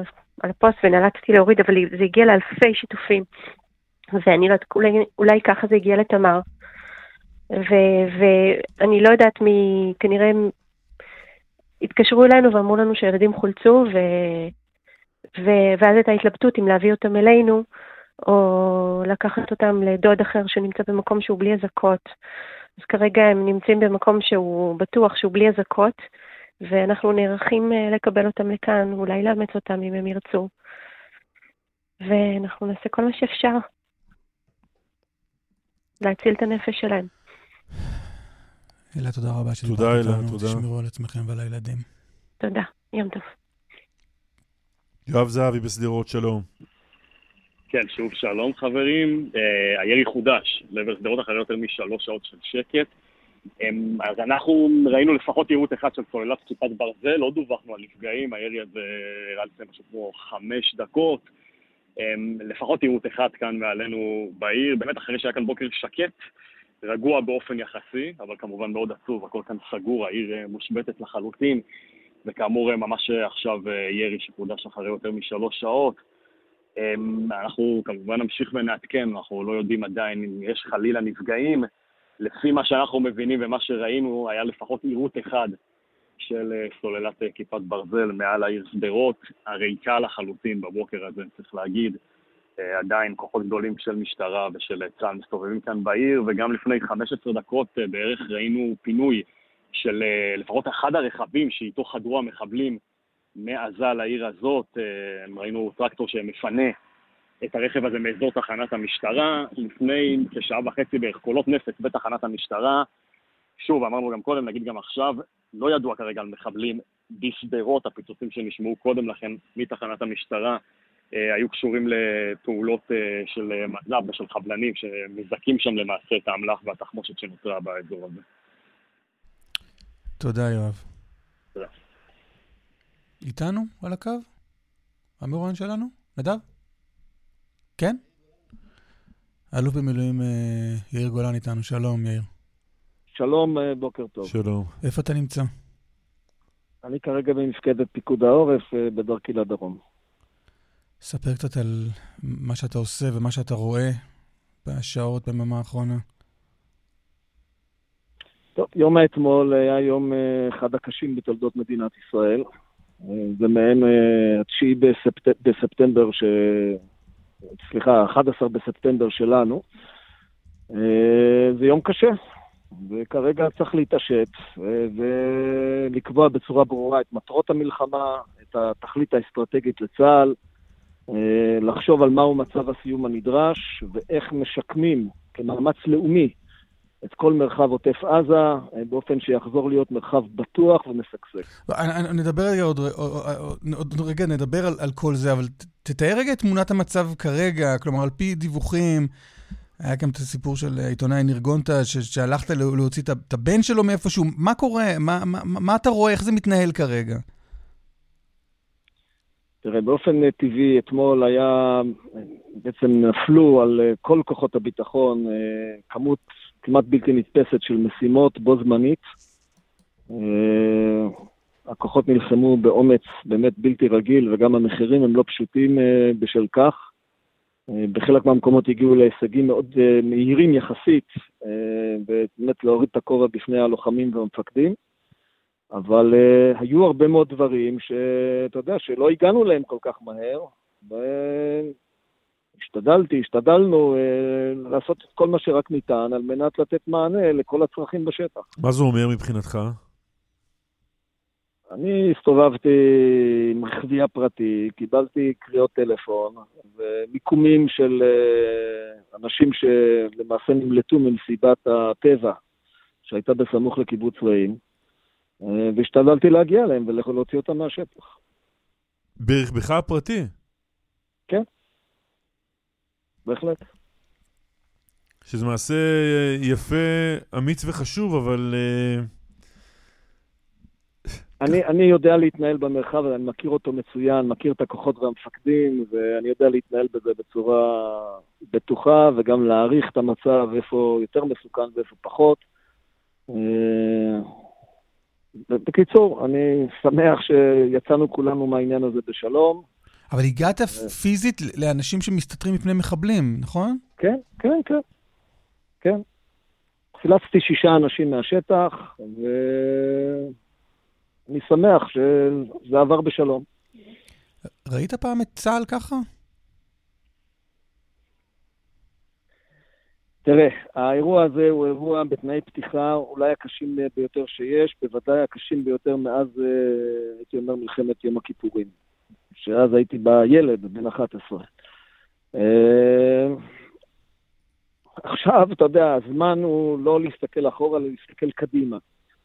וכמו שאמרתי, להגדיר בצורה ברורה מהו מצב הסיום, הדרג המדיני פה צריך להיות מאוד מאוד מפוקח, קר רוח, אה, ולהגדיר את הדברים בצורה ברורה, אה, קודם כל לצה"ל, ולאחר מכן לכל זרועות הביטחון. מה מצב הסיום, כמו שאתה רואה שהוא צריך להיות? אני חושב שאי אפשר לסיים את המערכה הזאת ללא שבירת כוחו הצבאי של חמאס ושאר הארגונים בעזה, במיוחד הג'יהאד האיסלאמי הפלסטיני. זה צריך לייצר מצב של ביטחון לאורך זמן שלא מאפשר התעצמות אה, לחמאס, אה, ומאפשר אה, להציג לאזרחי ישראל החיים בדרום מצב ביטחוני יציב, כזה שהם יחושו בטוחים לחיות שם ולאבד את הקרקע עד התלם האחרון לפני הגבול. זה ההישג הנדרש. כמובן שכדי להגיע להישג כזה זה לא רק עניין צבאי, זה גם עניין של מהו המעשה המדיני שישלים את המהלך הצבאי. לעתים אנחנו שוכחים בישראל אה, שמעשה צבאי ללא תכלית מדינית מאחוריו, דינו להיכשל בראייה ארוכת טווח, ואני מקווה מאוד שלא נחזור על השגיאה החמורה הזאת שעשינו בעצם אה, מאז 2009, מבצע עופרת יצוקה, שיצאנו ממנו בתחושה שהנה הבאנו הישג צבאי בלתי רגיל. לא היה לו המשך מדיני, התוצאות ידועות, הנה אנחנו אוכלים את פרי הביושים, הביושים הזה היום. איזה המשך, איזה, איזה המשך מדיני אתה רוצה לראות בעזה? אנחנו חייבים כיום לשבור את כוחו הצבאי של חמאס. אני מניח שזה ייצור מצב אחר, שיפתח uh, גם אפשרויות uh, צבאיות וגם אפשרויות מדיניות אחרות. Uh, יאפשר את תחושת הביטחון ואת הביטחון לא, אבל איזה אפשרויות מלא. מדיניות? אנחנו נצטרך בסופו של דבר מול הפלסטינים להגיע לאיזושהי הסדרה. וההסדרה הזאת תהיה ככל הנראה כרוכה בחלוקה כזו או אחרת של אה, ארץ ישראל המנדטורית. אני לא רואה מנוס מהעניין הזה. אבל בעזה אנחנו לא נמצאים, מעזה יצאנו. מעזה יצאנו, אבל לא פתרנו את הבעיה הפלסטינית, וללא הסדר עם גורם אמין לאורך זמן, וכמובן, עם המחויבות הביטחונית שלנו. אבל קיים שם חמאס, לא חמאס הוא, לא, הוא לא פרטנר כדי לפתור עניינים מדיניים כאלה. אני לא אמרת, לא דיברתי עכשיו על מי פרטנר ומי לא פרטנר. אבל זה העניין, לא? אני מדבר עכשיו על תכלית ברורה למבצע בעזה, היא צריכה לכלול שבירת כוחו הצבאי של חמאס, יצירת מצב ביטחוני יציב לאורך זמן, ותחושת ביטחון אה, מוגברת. אז רגע, אז, אז בוא נשאר על זה, בוא, בוא נשאר בזה. דיברנו על זה קודם עם רועי שרון, גם מה שאתה רואה מבחינת התקיפות של אה, ישראל בעזה, זה מה שאתה רוצה לראות? אני מניח, מניח שזה לא ייגמר בפעולה אווירית בלבד. אני איני רואה מצב שבו שלטון חמאס סופג מכה אנושה מספיק אה, רק על ידי הפעלת כוח מהאוויר, ולכן אני מניח שנידרש גם למאמץ קרקעי ברמה כזו. הכוח אבל מהאוויר, זה הכוח שהיית רוצה לראות שישראל מפעילה מהאוויר? הגדיר זאת רועי שרון אני- כפעולות, אה, כפעולות מדידות, רוצה לומר פעולות מדידות מדי. אני, אני אה, חייב לומר שכל ביקורת בנושא הזה היא נראית לי לא רצינית בשלב זה. אנחנו באמת בשלב הדי ראשוני של תחילת המערכה. אתה יודע. מי אומר גמור לפני שמה שנקרא הדבר נגמר, ולכן בואו נמתין בסבלנות. אני סומך על הרמטכ"ל, על אה, המטה הכללי, אה, אלוף פיקוד דרום, אלוף פיקוד העורף, אה, מפקד חיל האוויר, מפקד חיל הים, כל מי ששותף למאמץ המבצעי, שידעו לקבל את ההחלטות הנכונות. יאיר גולן, תודה רבה. תודה, במילואים. תודה לכם וימים טובים. שלום חן, שלום. את uh, מחפשת uh, בני... אני מחפשת את אחי ואבא שלי. אנחנו דיברנו איתם אתמול עד שש וחצי בבוקר. הם אמרו לנו שהם נמצאים בחוף זיקים. בהתחלה הם, הם אמרו שהם מאחורי קיר, ויש עליהם מטחים מאוד מאוד כבדים והם לא יכולים לזוז. אחר כך בעוד שיחה, שהשיחה האחרונה בעצם שהייתה בשש וחצי, הם אמרו שהם מצאו מק- מקלט או מיגונית, לא הצלחנו להבין. ומאז אנחנו לא יודעים מה קורה איתם. מה הם עשו בחוף? דייג. הם כל יום שישי שהם נפגשים, כשאחי מגיע לעשות איתנו שבת, אה, הכיף שלהם זה לצאת לפנות בוקר לדייג יחד, הם חוזרים לקראת תשע, עשר בבוקר הביתה. אז הם, הם דאגו בחוף זיקים, כן. ושם תפסו אותם המטחים. שם תפסו אותם המטחים, התחננו שינסו לצאת, הם אמרו שהמטחים כל כך כבדים ושזה נופל ממש לידם ושהם לא יכולים לזוז. ואז על פי מה שאת, על פי שאת יודעת, הם ניסו לתפוס מחסה שם בחוף איפשהו. הם אמרו לנו שהם תחת מחסים להרגיע אותנו ולהגיד לנו רק בשביל שאנחנו נהיה רגועים, או שבאמת היה שם משהו כזה, אני לא יודעת. אפשר להגיע אל המקום עכשיו? לא, הכבישים שלנו חסומים לשם ניסינו. אנחנו, אני, אנחנו גרים במועצה אזורית מרחבים, במושב גילת. אז בעצם משיחת הטלפון האחרונה הזאת בשש וחצי, מעל 24 שעות אין לנו מושג מה קורה איתם, איפה הם. אף אחד לא נותן לנו מידע. מרוסקים פה לחלוטין, אשתו, הילדה שלו, אימא שלי, אחים שלי, אנחנו כולנו פה חסונים. יש איזשהו גורם רשמי שיכולתם לדבר איתו, שיודע מה קורה שם באזור? ממש לא. אפילו המשטרה, לא יודעת. אני אתמול התקשרתי לפחות שמונה פעמים למשטרה, אם לא יותר. ביקשתי לאתר, ביקשתי לעשות תיקון. באיזה 10-12 בלילה מדברים איתי, אומרים לי, לא, לא, לא פתחתם קריאה לגביהם בכלל. על מה אתם מדברים? אני מתחננת אליכם כבר משעות הבוקר שמשהו, שמישהו יעזור לנו, שיוציאו אותם משם. ו- ואין לכם איך לאכן את, ה- את הטלפון שלו דרך, אה, ניסינו, דרך גוגל, אפל. כן? ניסינו, היה איכון אחרון בחוף בשבע בבוקר, ומאז לא ניתן לאכן את הטלפונים. שבע בבוקר בחוף. כן.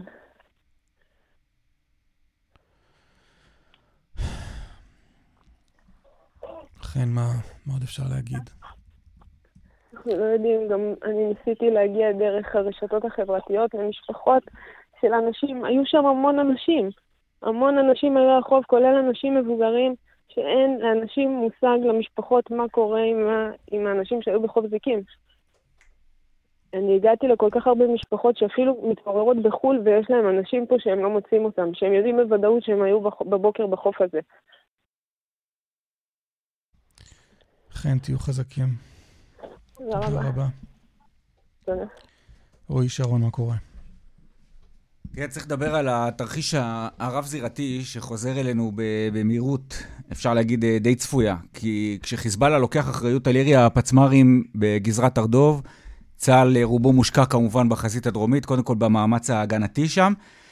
אבל uh, כשאנחנו בשנה האחרונה שמענו כבר כמה בכירים מדברים על כך שתם עידן העימותים המוגבלים. עימות מוגבל זה אומר סבב בעזה או סבב בעזה. מלחמה בלבנון היא מלחמה בלבנון. וזה כבר אי אפשר להבטיח שזה לא זולה גם לגזרות אחרות. זה אומר שתם עידן העימות המוגבל. זה לא אומר שלא יכול להיות סבב בעזה שהוא רק סבב בעזה, אבל התר, תר, אחד התרחישים הריאליים הוא שמלחמה בעזה היא גם, גם חיזבאללה מצטרף, אם חיזבאללה מצטרף, גם אה, מיליציות שיעיות בסוריה, ואולי בשלב הנוסף, אחר, אחר כך, גם האיראנים מצטרפים. וזה כרגע התרחיש שנמצא על השולחן, ברגע שחיזבאללה יורה ולוקח אחריות על ירי פצמ"רים לעבר אה, מוצבים, אז אם, אם בשנה האחרונה, בוא נגיד שזה לא זמן טוב לצטט אה, הערכות מודיעיניות ששמענו במערכת הביטחון בשנים האחרונות, על כך שחמאס מורתע והוא לא רוצה במלחמה, ראינו שזה קרס לגמרי. שמענו את זה גם על חיזבאללה, ואז ראינו את הפיגוע, את המחבל שחדר למגידו. כשחיזבאללה מחדיר מחבל עד לצומת מגידו כדי שיניח מטען שעלול לגרום למותם של 30 ישראלים, זה ברור שהוא מוכן להסתכן גם במלחמה, שהוא לא רק מתחת לרף המלחמה בעקיצות ופרובוקציות קטנות. ולכן זאת שאלה כרגע מאוד גדולה, האם חיזבאללה, האם ישראל עכשיו נכנסת גם למלחמה רב-זירתית, לא רק בדרום, בינתיים אנחנו לא רואים את זה מתפשט uh, לצפון מעבר למה שתיארנו בהר דב, אבל זה בהחלט כרגע תרחיש שצה"ל, וזאת הסיבה גם שצה"ל כן מקפיץ כוחות גם לזירה הצפונית. ירי הפצמ"רים הזה, אבל זה... אם, אם, דיברנו על זה גם עם חן ביאר בשעה הקודמת, אם נסראללה רוצה להצטרף ללחימה, הוא לא עושה משהו דרמטי יותר מירי הפצמ"רים הזה? אז קודם כל, באמת אי אפשר לדעת מה עובר עכשיו בראש, ובאמת אף, גם אף גורם מודיעיני במערב, אף גורם מודיעין ישראלי לא יכול ולא הצליח לא בעשורים האחרונים ובטח לא בימים האחרונים, לנחש מה עובר בראשו של ראש ארגון טרור או צבא טרור, לא אם זה חמאס ולא אם זה חיזבאללה.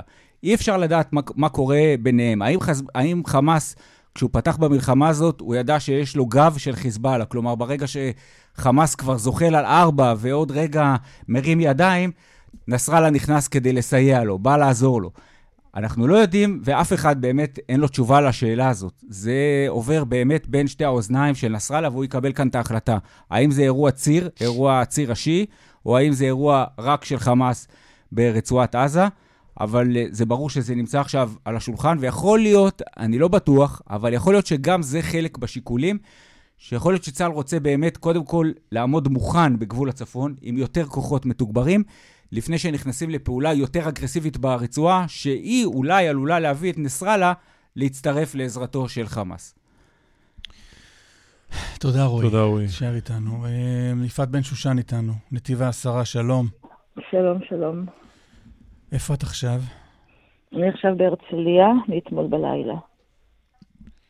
ספרי קצת מה עבר עלייך אתמול. וואו, אני...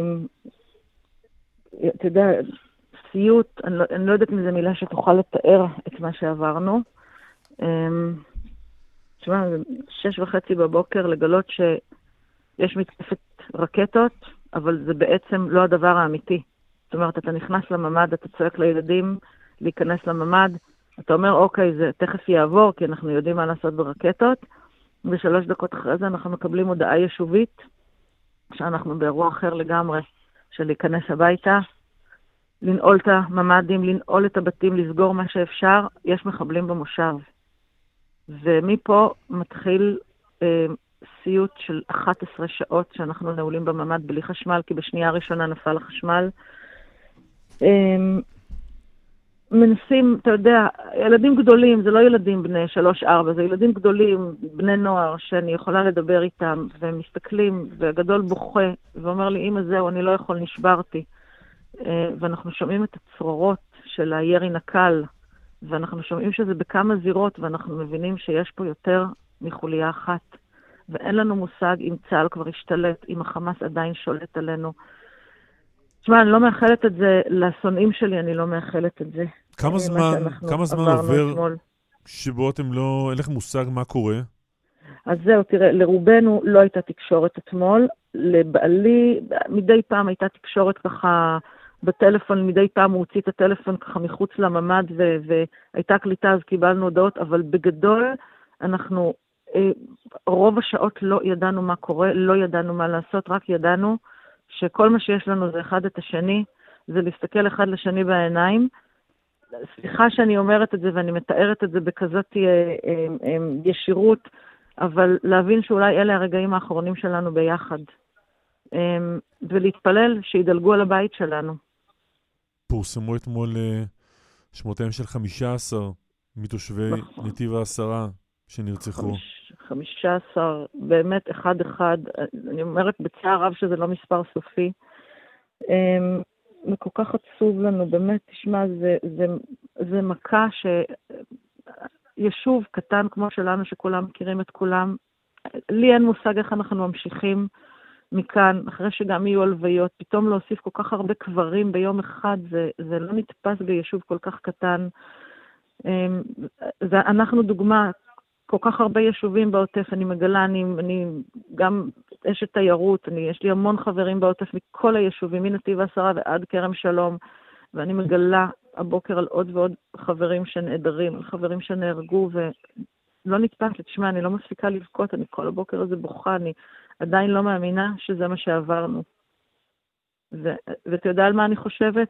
על אלו שעדיין בחיים ושבויים עכשיו בעזה, אני, אני לא מקנאה בשנייה אחת שלהם. ומה קורה להם שם. ואתה יודע למה זה מחזיר אותי? זה מחזיר אותי לכל יום שישי, שאני עומדת עם משפחת גולדין בחץ שחור, ותשע שנים, תשע שנים, הבנים לא שבו הביתה. שני בנים לא הצליחו להחזיר הביתה, איך יצליחו להחזיר מעל 100 שבויים עכשיו? איך יצליחו אם אנחנו לא יודעים להחזיר שניים? איפה טעינו בסיפור הזה? יפעת, תודה כן. רבה לך. תודה רבה לכם. שנשמע בשורות טובות. רק בשורות אמן. טובות. כן. אסף פוזיילוב, שוב אנחנו איתך. כן, אמ, יותר מ-27 שעות אה, לתוך המלחמה הזאת, ועדיין לצה"ל אין שליטה על יישובים ישראלים בתוך ישראל, חוץ מהלחימה אה, בכפר עזה, שדיווחנו עליה קודם, גם בבארי, עדיין בקיבוץ בארי, שם אנשים נצורים מאתמול ב-6 וחצי בבוקר עד עכשיו. פינו חלק, ועדיין אה, יש עוד אנשים שעדיין לא הצליחו להגיע אליהם. יש יריות, יש ירי, יש חוליות מחבלים גם בבארי. אה, בכפר עזה, אה, שמענו קודם, אה, הצליחו להוציא חצי מאנשי הקיבוץ בלילה, בחושך, דרך השדות, בהליכה שפופה, דרך התעלות. אנשים גם מבוגרים, בני 70 ו-80, גם ילדים ותינוקות. וכשרצו להמשיך להוציא למקום מסתור, אז החל קרב יריות עם מחבלים אה, מול כוחות צה"ל שהגיעו כדי לחלץ, אה, וזה נמשך עדיין. אה, שוחחתי קודם עם אלוף, אלוף, אלופת משנה במילואים נירה שפק, לשעבר חברת כנסת מכחול לבן, היא אמרה שהיא ביחד אה, עם כוח החילוץ, כיתת הכוננות, מנסה לתפעל שם את האירוע והוא, והוא מאוד קשה. במקביל זה קורה גם בבארי. בנוסף, גם בכפר עזה, באותו קיבוץ, אה, בנו של אופיר ליפשטיין, ראש המועצה של שער הנגב, שהוא בעצם אה, הנרצח או הנופל הראשון אה, במלחמה הזאת, אתמול ממש עם השתלטות המחבלים על כפר עזה, מה שהתחיל אתמול ונמשך עד עכשיו, אז אופיר נרצח, והבן שלו, ניצן נעדר, הוא אתמול נפצע, ככל הנראה הוא נפצע אתמול קשה בחילופי הירי האלה. גם אה, אה, אימא שלו נפצעה, סבתו נרצחה, ובני המשפחה שחלקם הצליחו להיחלץ עדיין לא יודעים מה קורה עם הילד, עם הבן, עם ניצן, לא יודעים אם הוא פונה לבית חולים, אם הוא נחטף, אם הוא עדיין אה, בחדרו בקיבוץ, מה מצבו.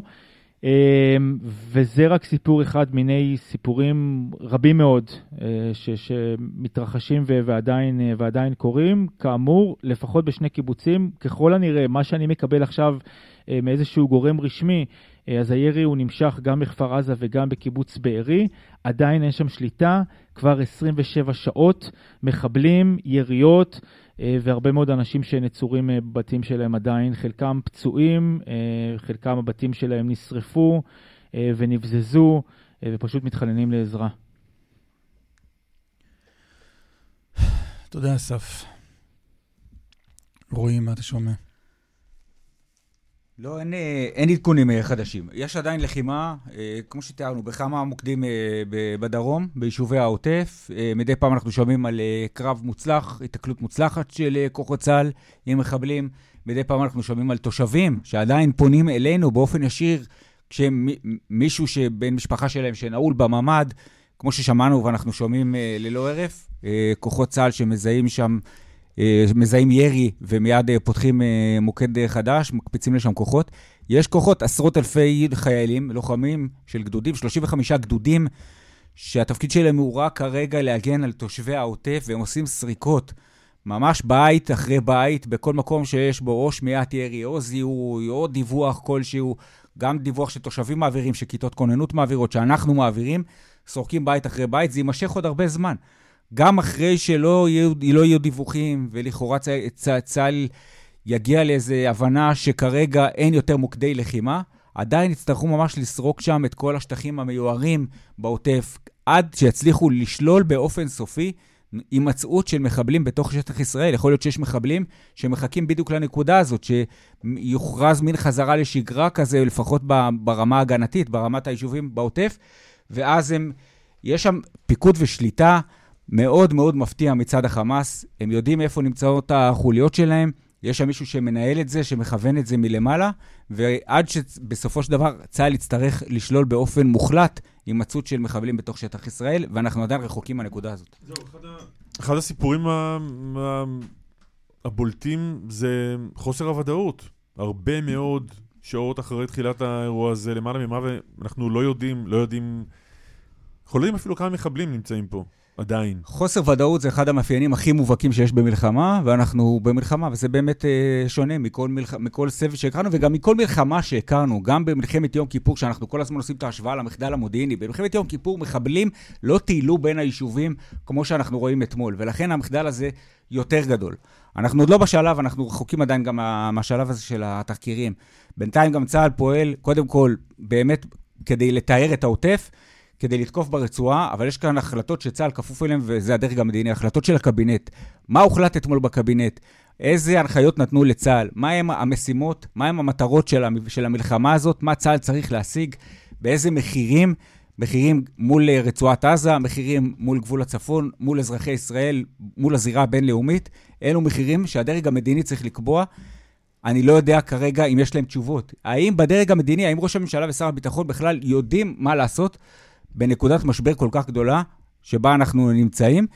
צה"ל וכל מערכת הביטחון כרגע מנסים, כמו במלחמה, לנסות למזער נזקים, לנסות להשיג כמה שיותר הישגים, לנסות לחסל כמה שיותר מחבלים, להשיג פגיעה, לגרום לפגיעה קשה כמה שיותר בקרב האויב. אבל בסופו של דבר אנחנו נמצאים כרגע בנקודה שיש בה, נדרשות בה החלטות מנהיג, מנהיגותיות ברמת הדרג מדיני, ברמה שמדינת ישראל לא עמדה בהם, בטח לא בעשורים האחרונים. בצד הדיבורים על, על מחדל ועל כישלון, בצד הצבאי או מודיעיני צריך, צריך וחשוב להזכיר הרבה מאוד סיפורים מהשטח על uh, מעשי גבורה של חיילים, של מפקדים, של מפקדים בכירים. המון, המון. שמסתערים וגם משלמים בחייהם. ו- ודווקא לא רק כוחות שנמצאים שם באופן אורגני, לא אנשים, דווקא לא, לא חיילים וקצינים שמשרתים שם או שהיו שם בשבת בבסיס, אלא מפקדים וקצינים ולוחמים שפשוט קפצו לזירות השונות, כמו מח"ט הנחל. לדוגמה, ששמע אתמול בבוקר שנפתחה מלחמה ו... והוזעק אה, לכרם שלום, ובדרך נתקל בחוליית מחבלים, והתנהלו שם חילופי אש, והוא נלחם בהם בגבורה, ולצערנו בסופו של דבר נפל בקרב הזה. יש כמוהו עוד מפקדים, והמחירים הם יקרים, ועדיין הפרטים המלאים והשמות והמספרים, לא כולם הותרו לפרסום עדיין. תגיד רק לסיום, רועי, דיברנו בתחילת המשדר על איזשהו חשש לחדירה של מל"ט, אה, מל"ט נפץ אה, דרך הגבול. זה, לא, משהו, כ... זה משהו חוזלש? כרגע אין על זה אינדיקציה. אוקיי. תודה, רועי. חן ביער בצפון, מה קורה? כרגע אה, מתח גדול, אבל שקט בשעה האחרונה, שאנחנו גם, בהמשך למה שאתם מדברים עליו עם רועי, נמצאים כאן בנקודה שאני חושב שהיא נקודה קריטית לגבי המשך המלחמה הזו, האם אכן נראה התרחבות, כי ראינו את אותו ירי שחיזבאללה לוקח עליו אחריות, וזה משמעותי, הוא לא מתכסה כאן מאחורי ארגון כזה או אחר, אלא אומר, כן, אנחנו אלה שירינו. צה"ל בתגובה משיב אש, וגם אולי מנצל את ההזדמנות כדי לסיים את האירוע הזה של האוהלים באזור הר דב ולתקוף את אותו אוהל שהיה שם והתלבטו ממושכות מה לעשות איתו. אנחנו רואים את ההמתנה הזו באה לידי okay. אוקיי. ביטוי גם בפינוי מרצון בשלב הזה של חלק מהתושבים, חלק עשו את זה לפני זה, חלק עושים את זה עכשיו. תודה רבה. צריכים לנעול את השידור שלנו כאן. בוא נראה לאן זה יתפתח. תודה. נדב רוזמן ערך את המשדר הזה, נדב רוזנצוויג הפיק, ליטל אטיאס ולריסה בלטר כץ היו על הביצוע הטכני. קלמן ליבסקין, תודה רבה. אסף להתראות, בשורות טובות. אחרינו משדר סדר יום עם יואב קרקובסקי. עוד מעט איתכם אחרי מהדורת החדשות.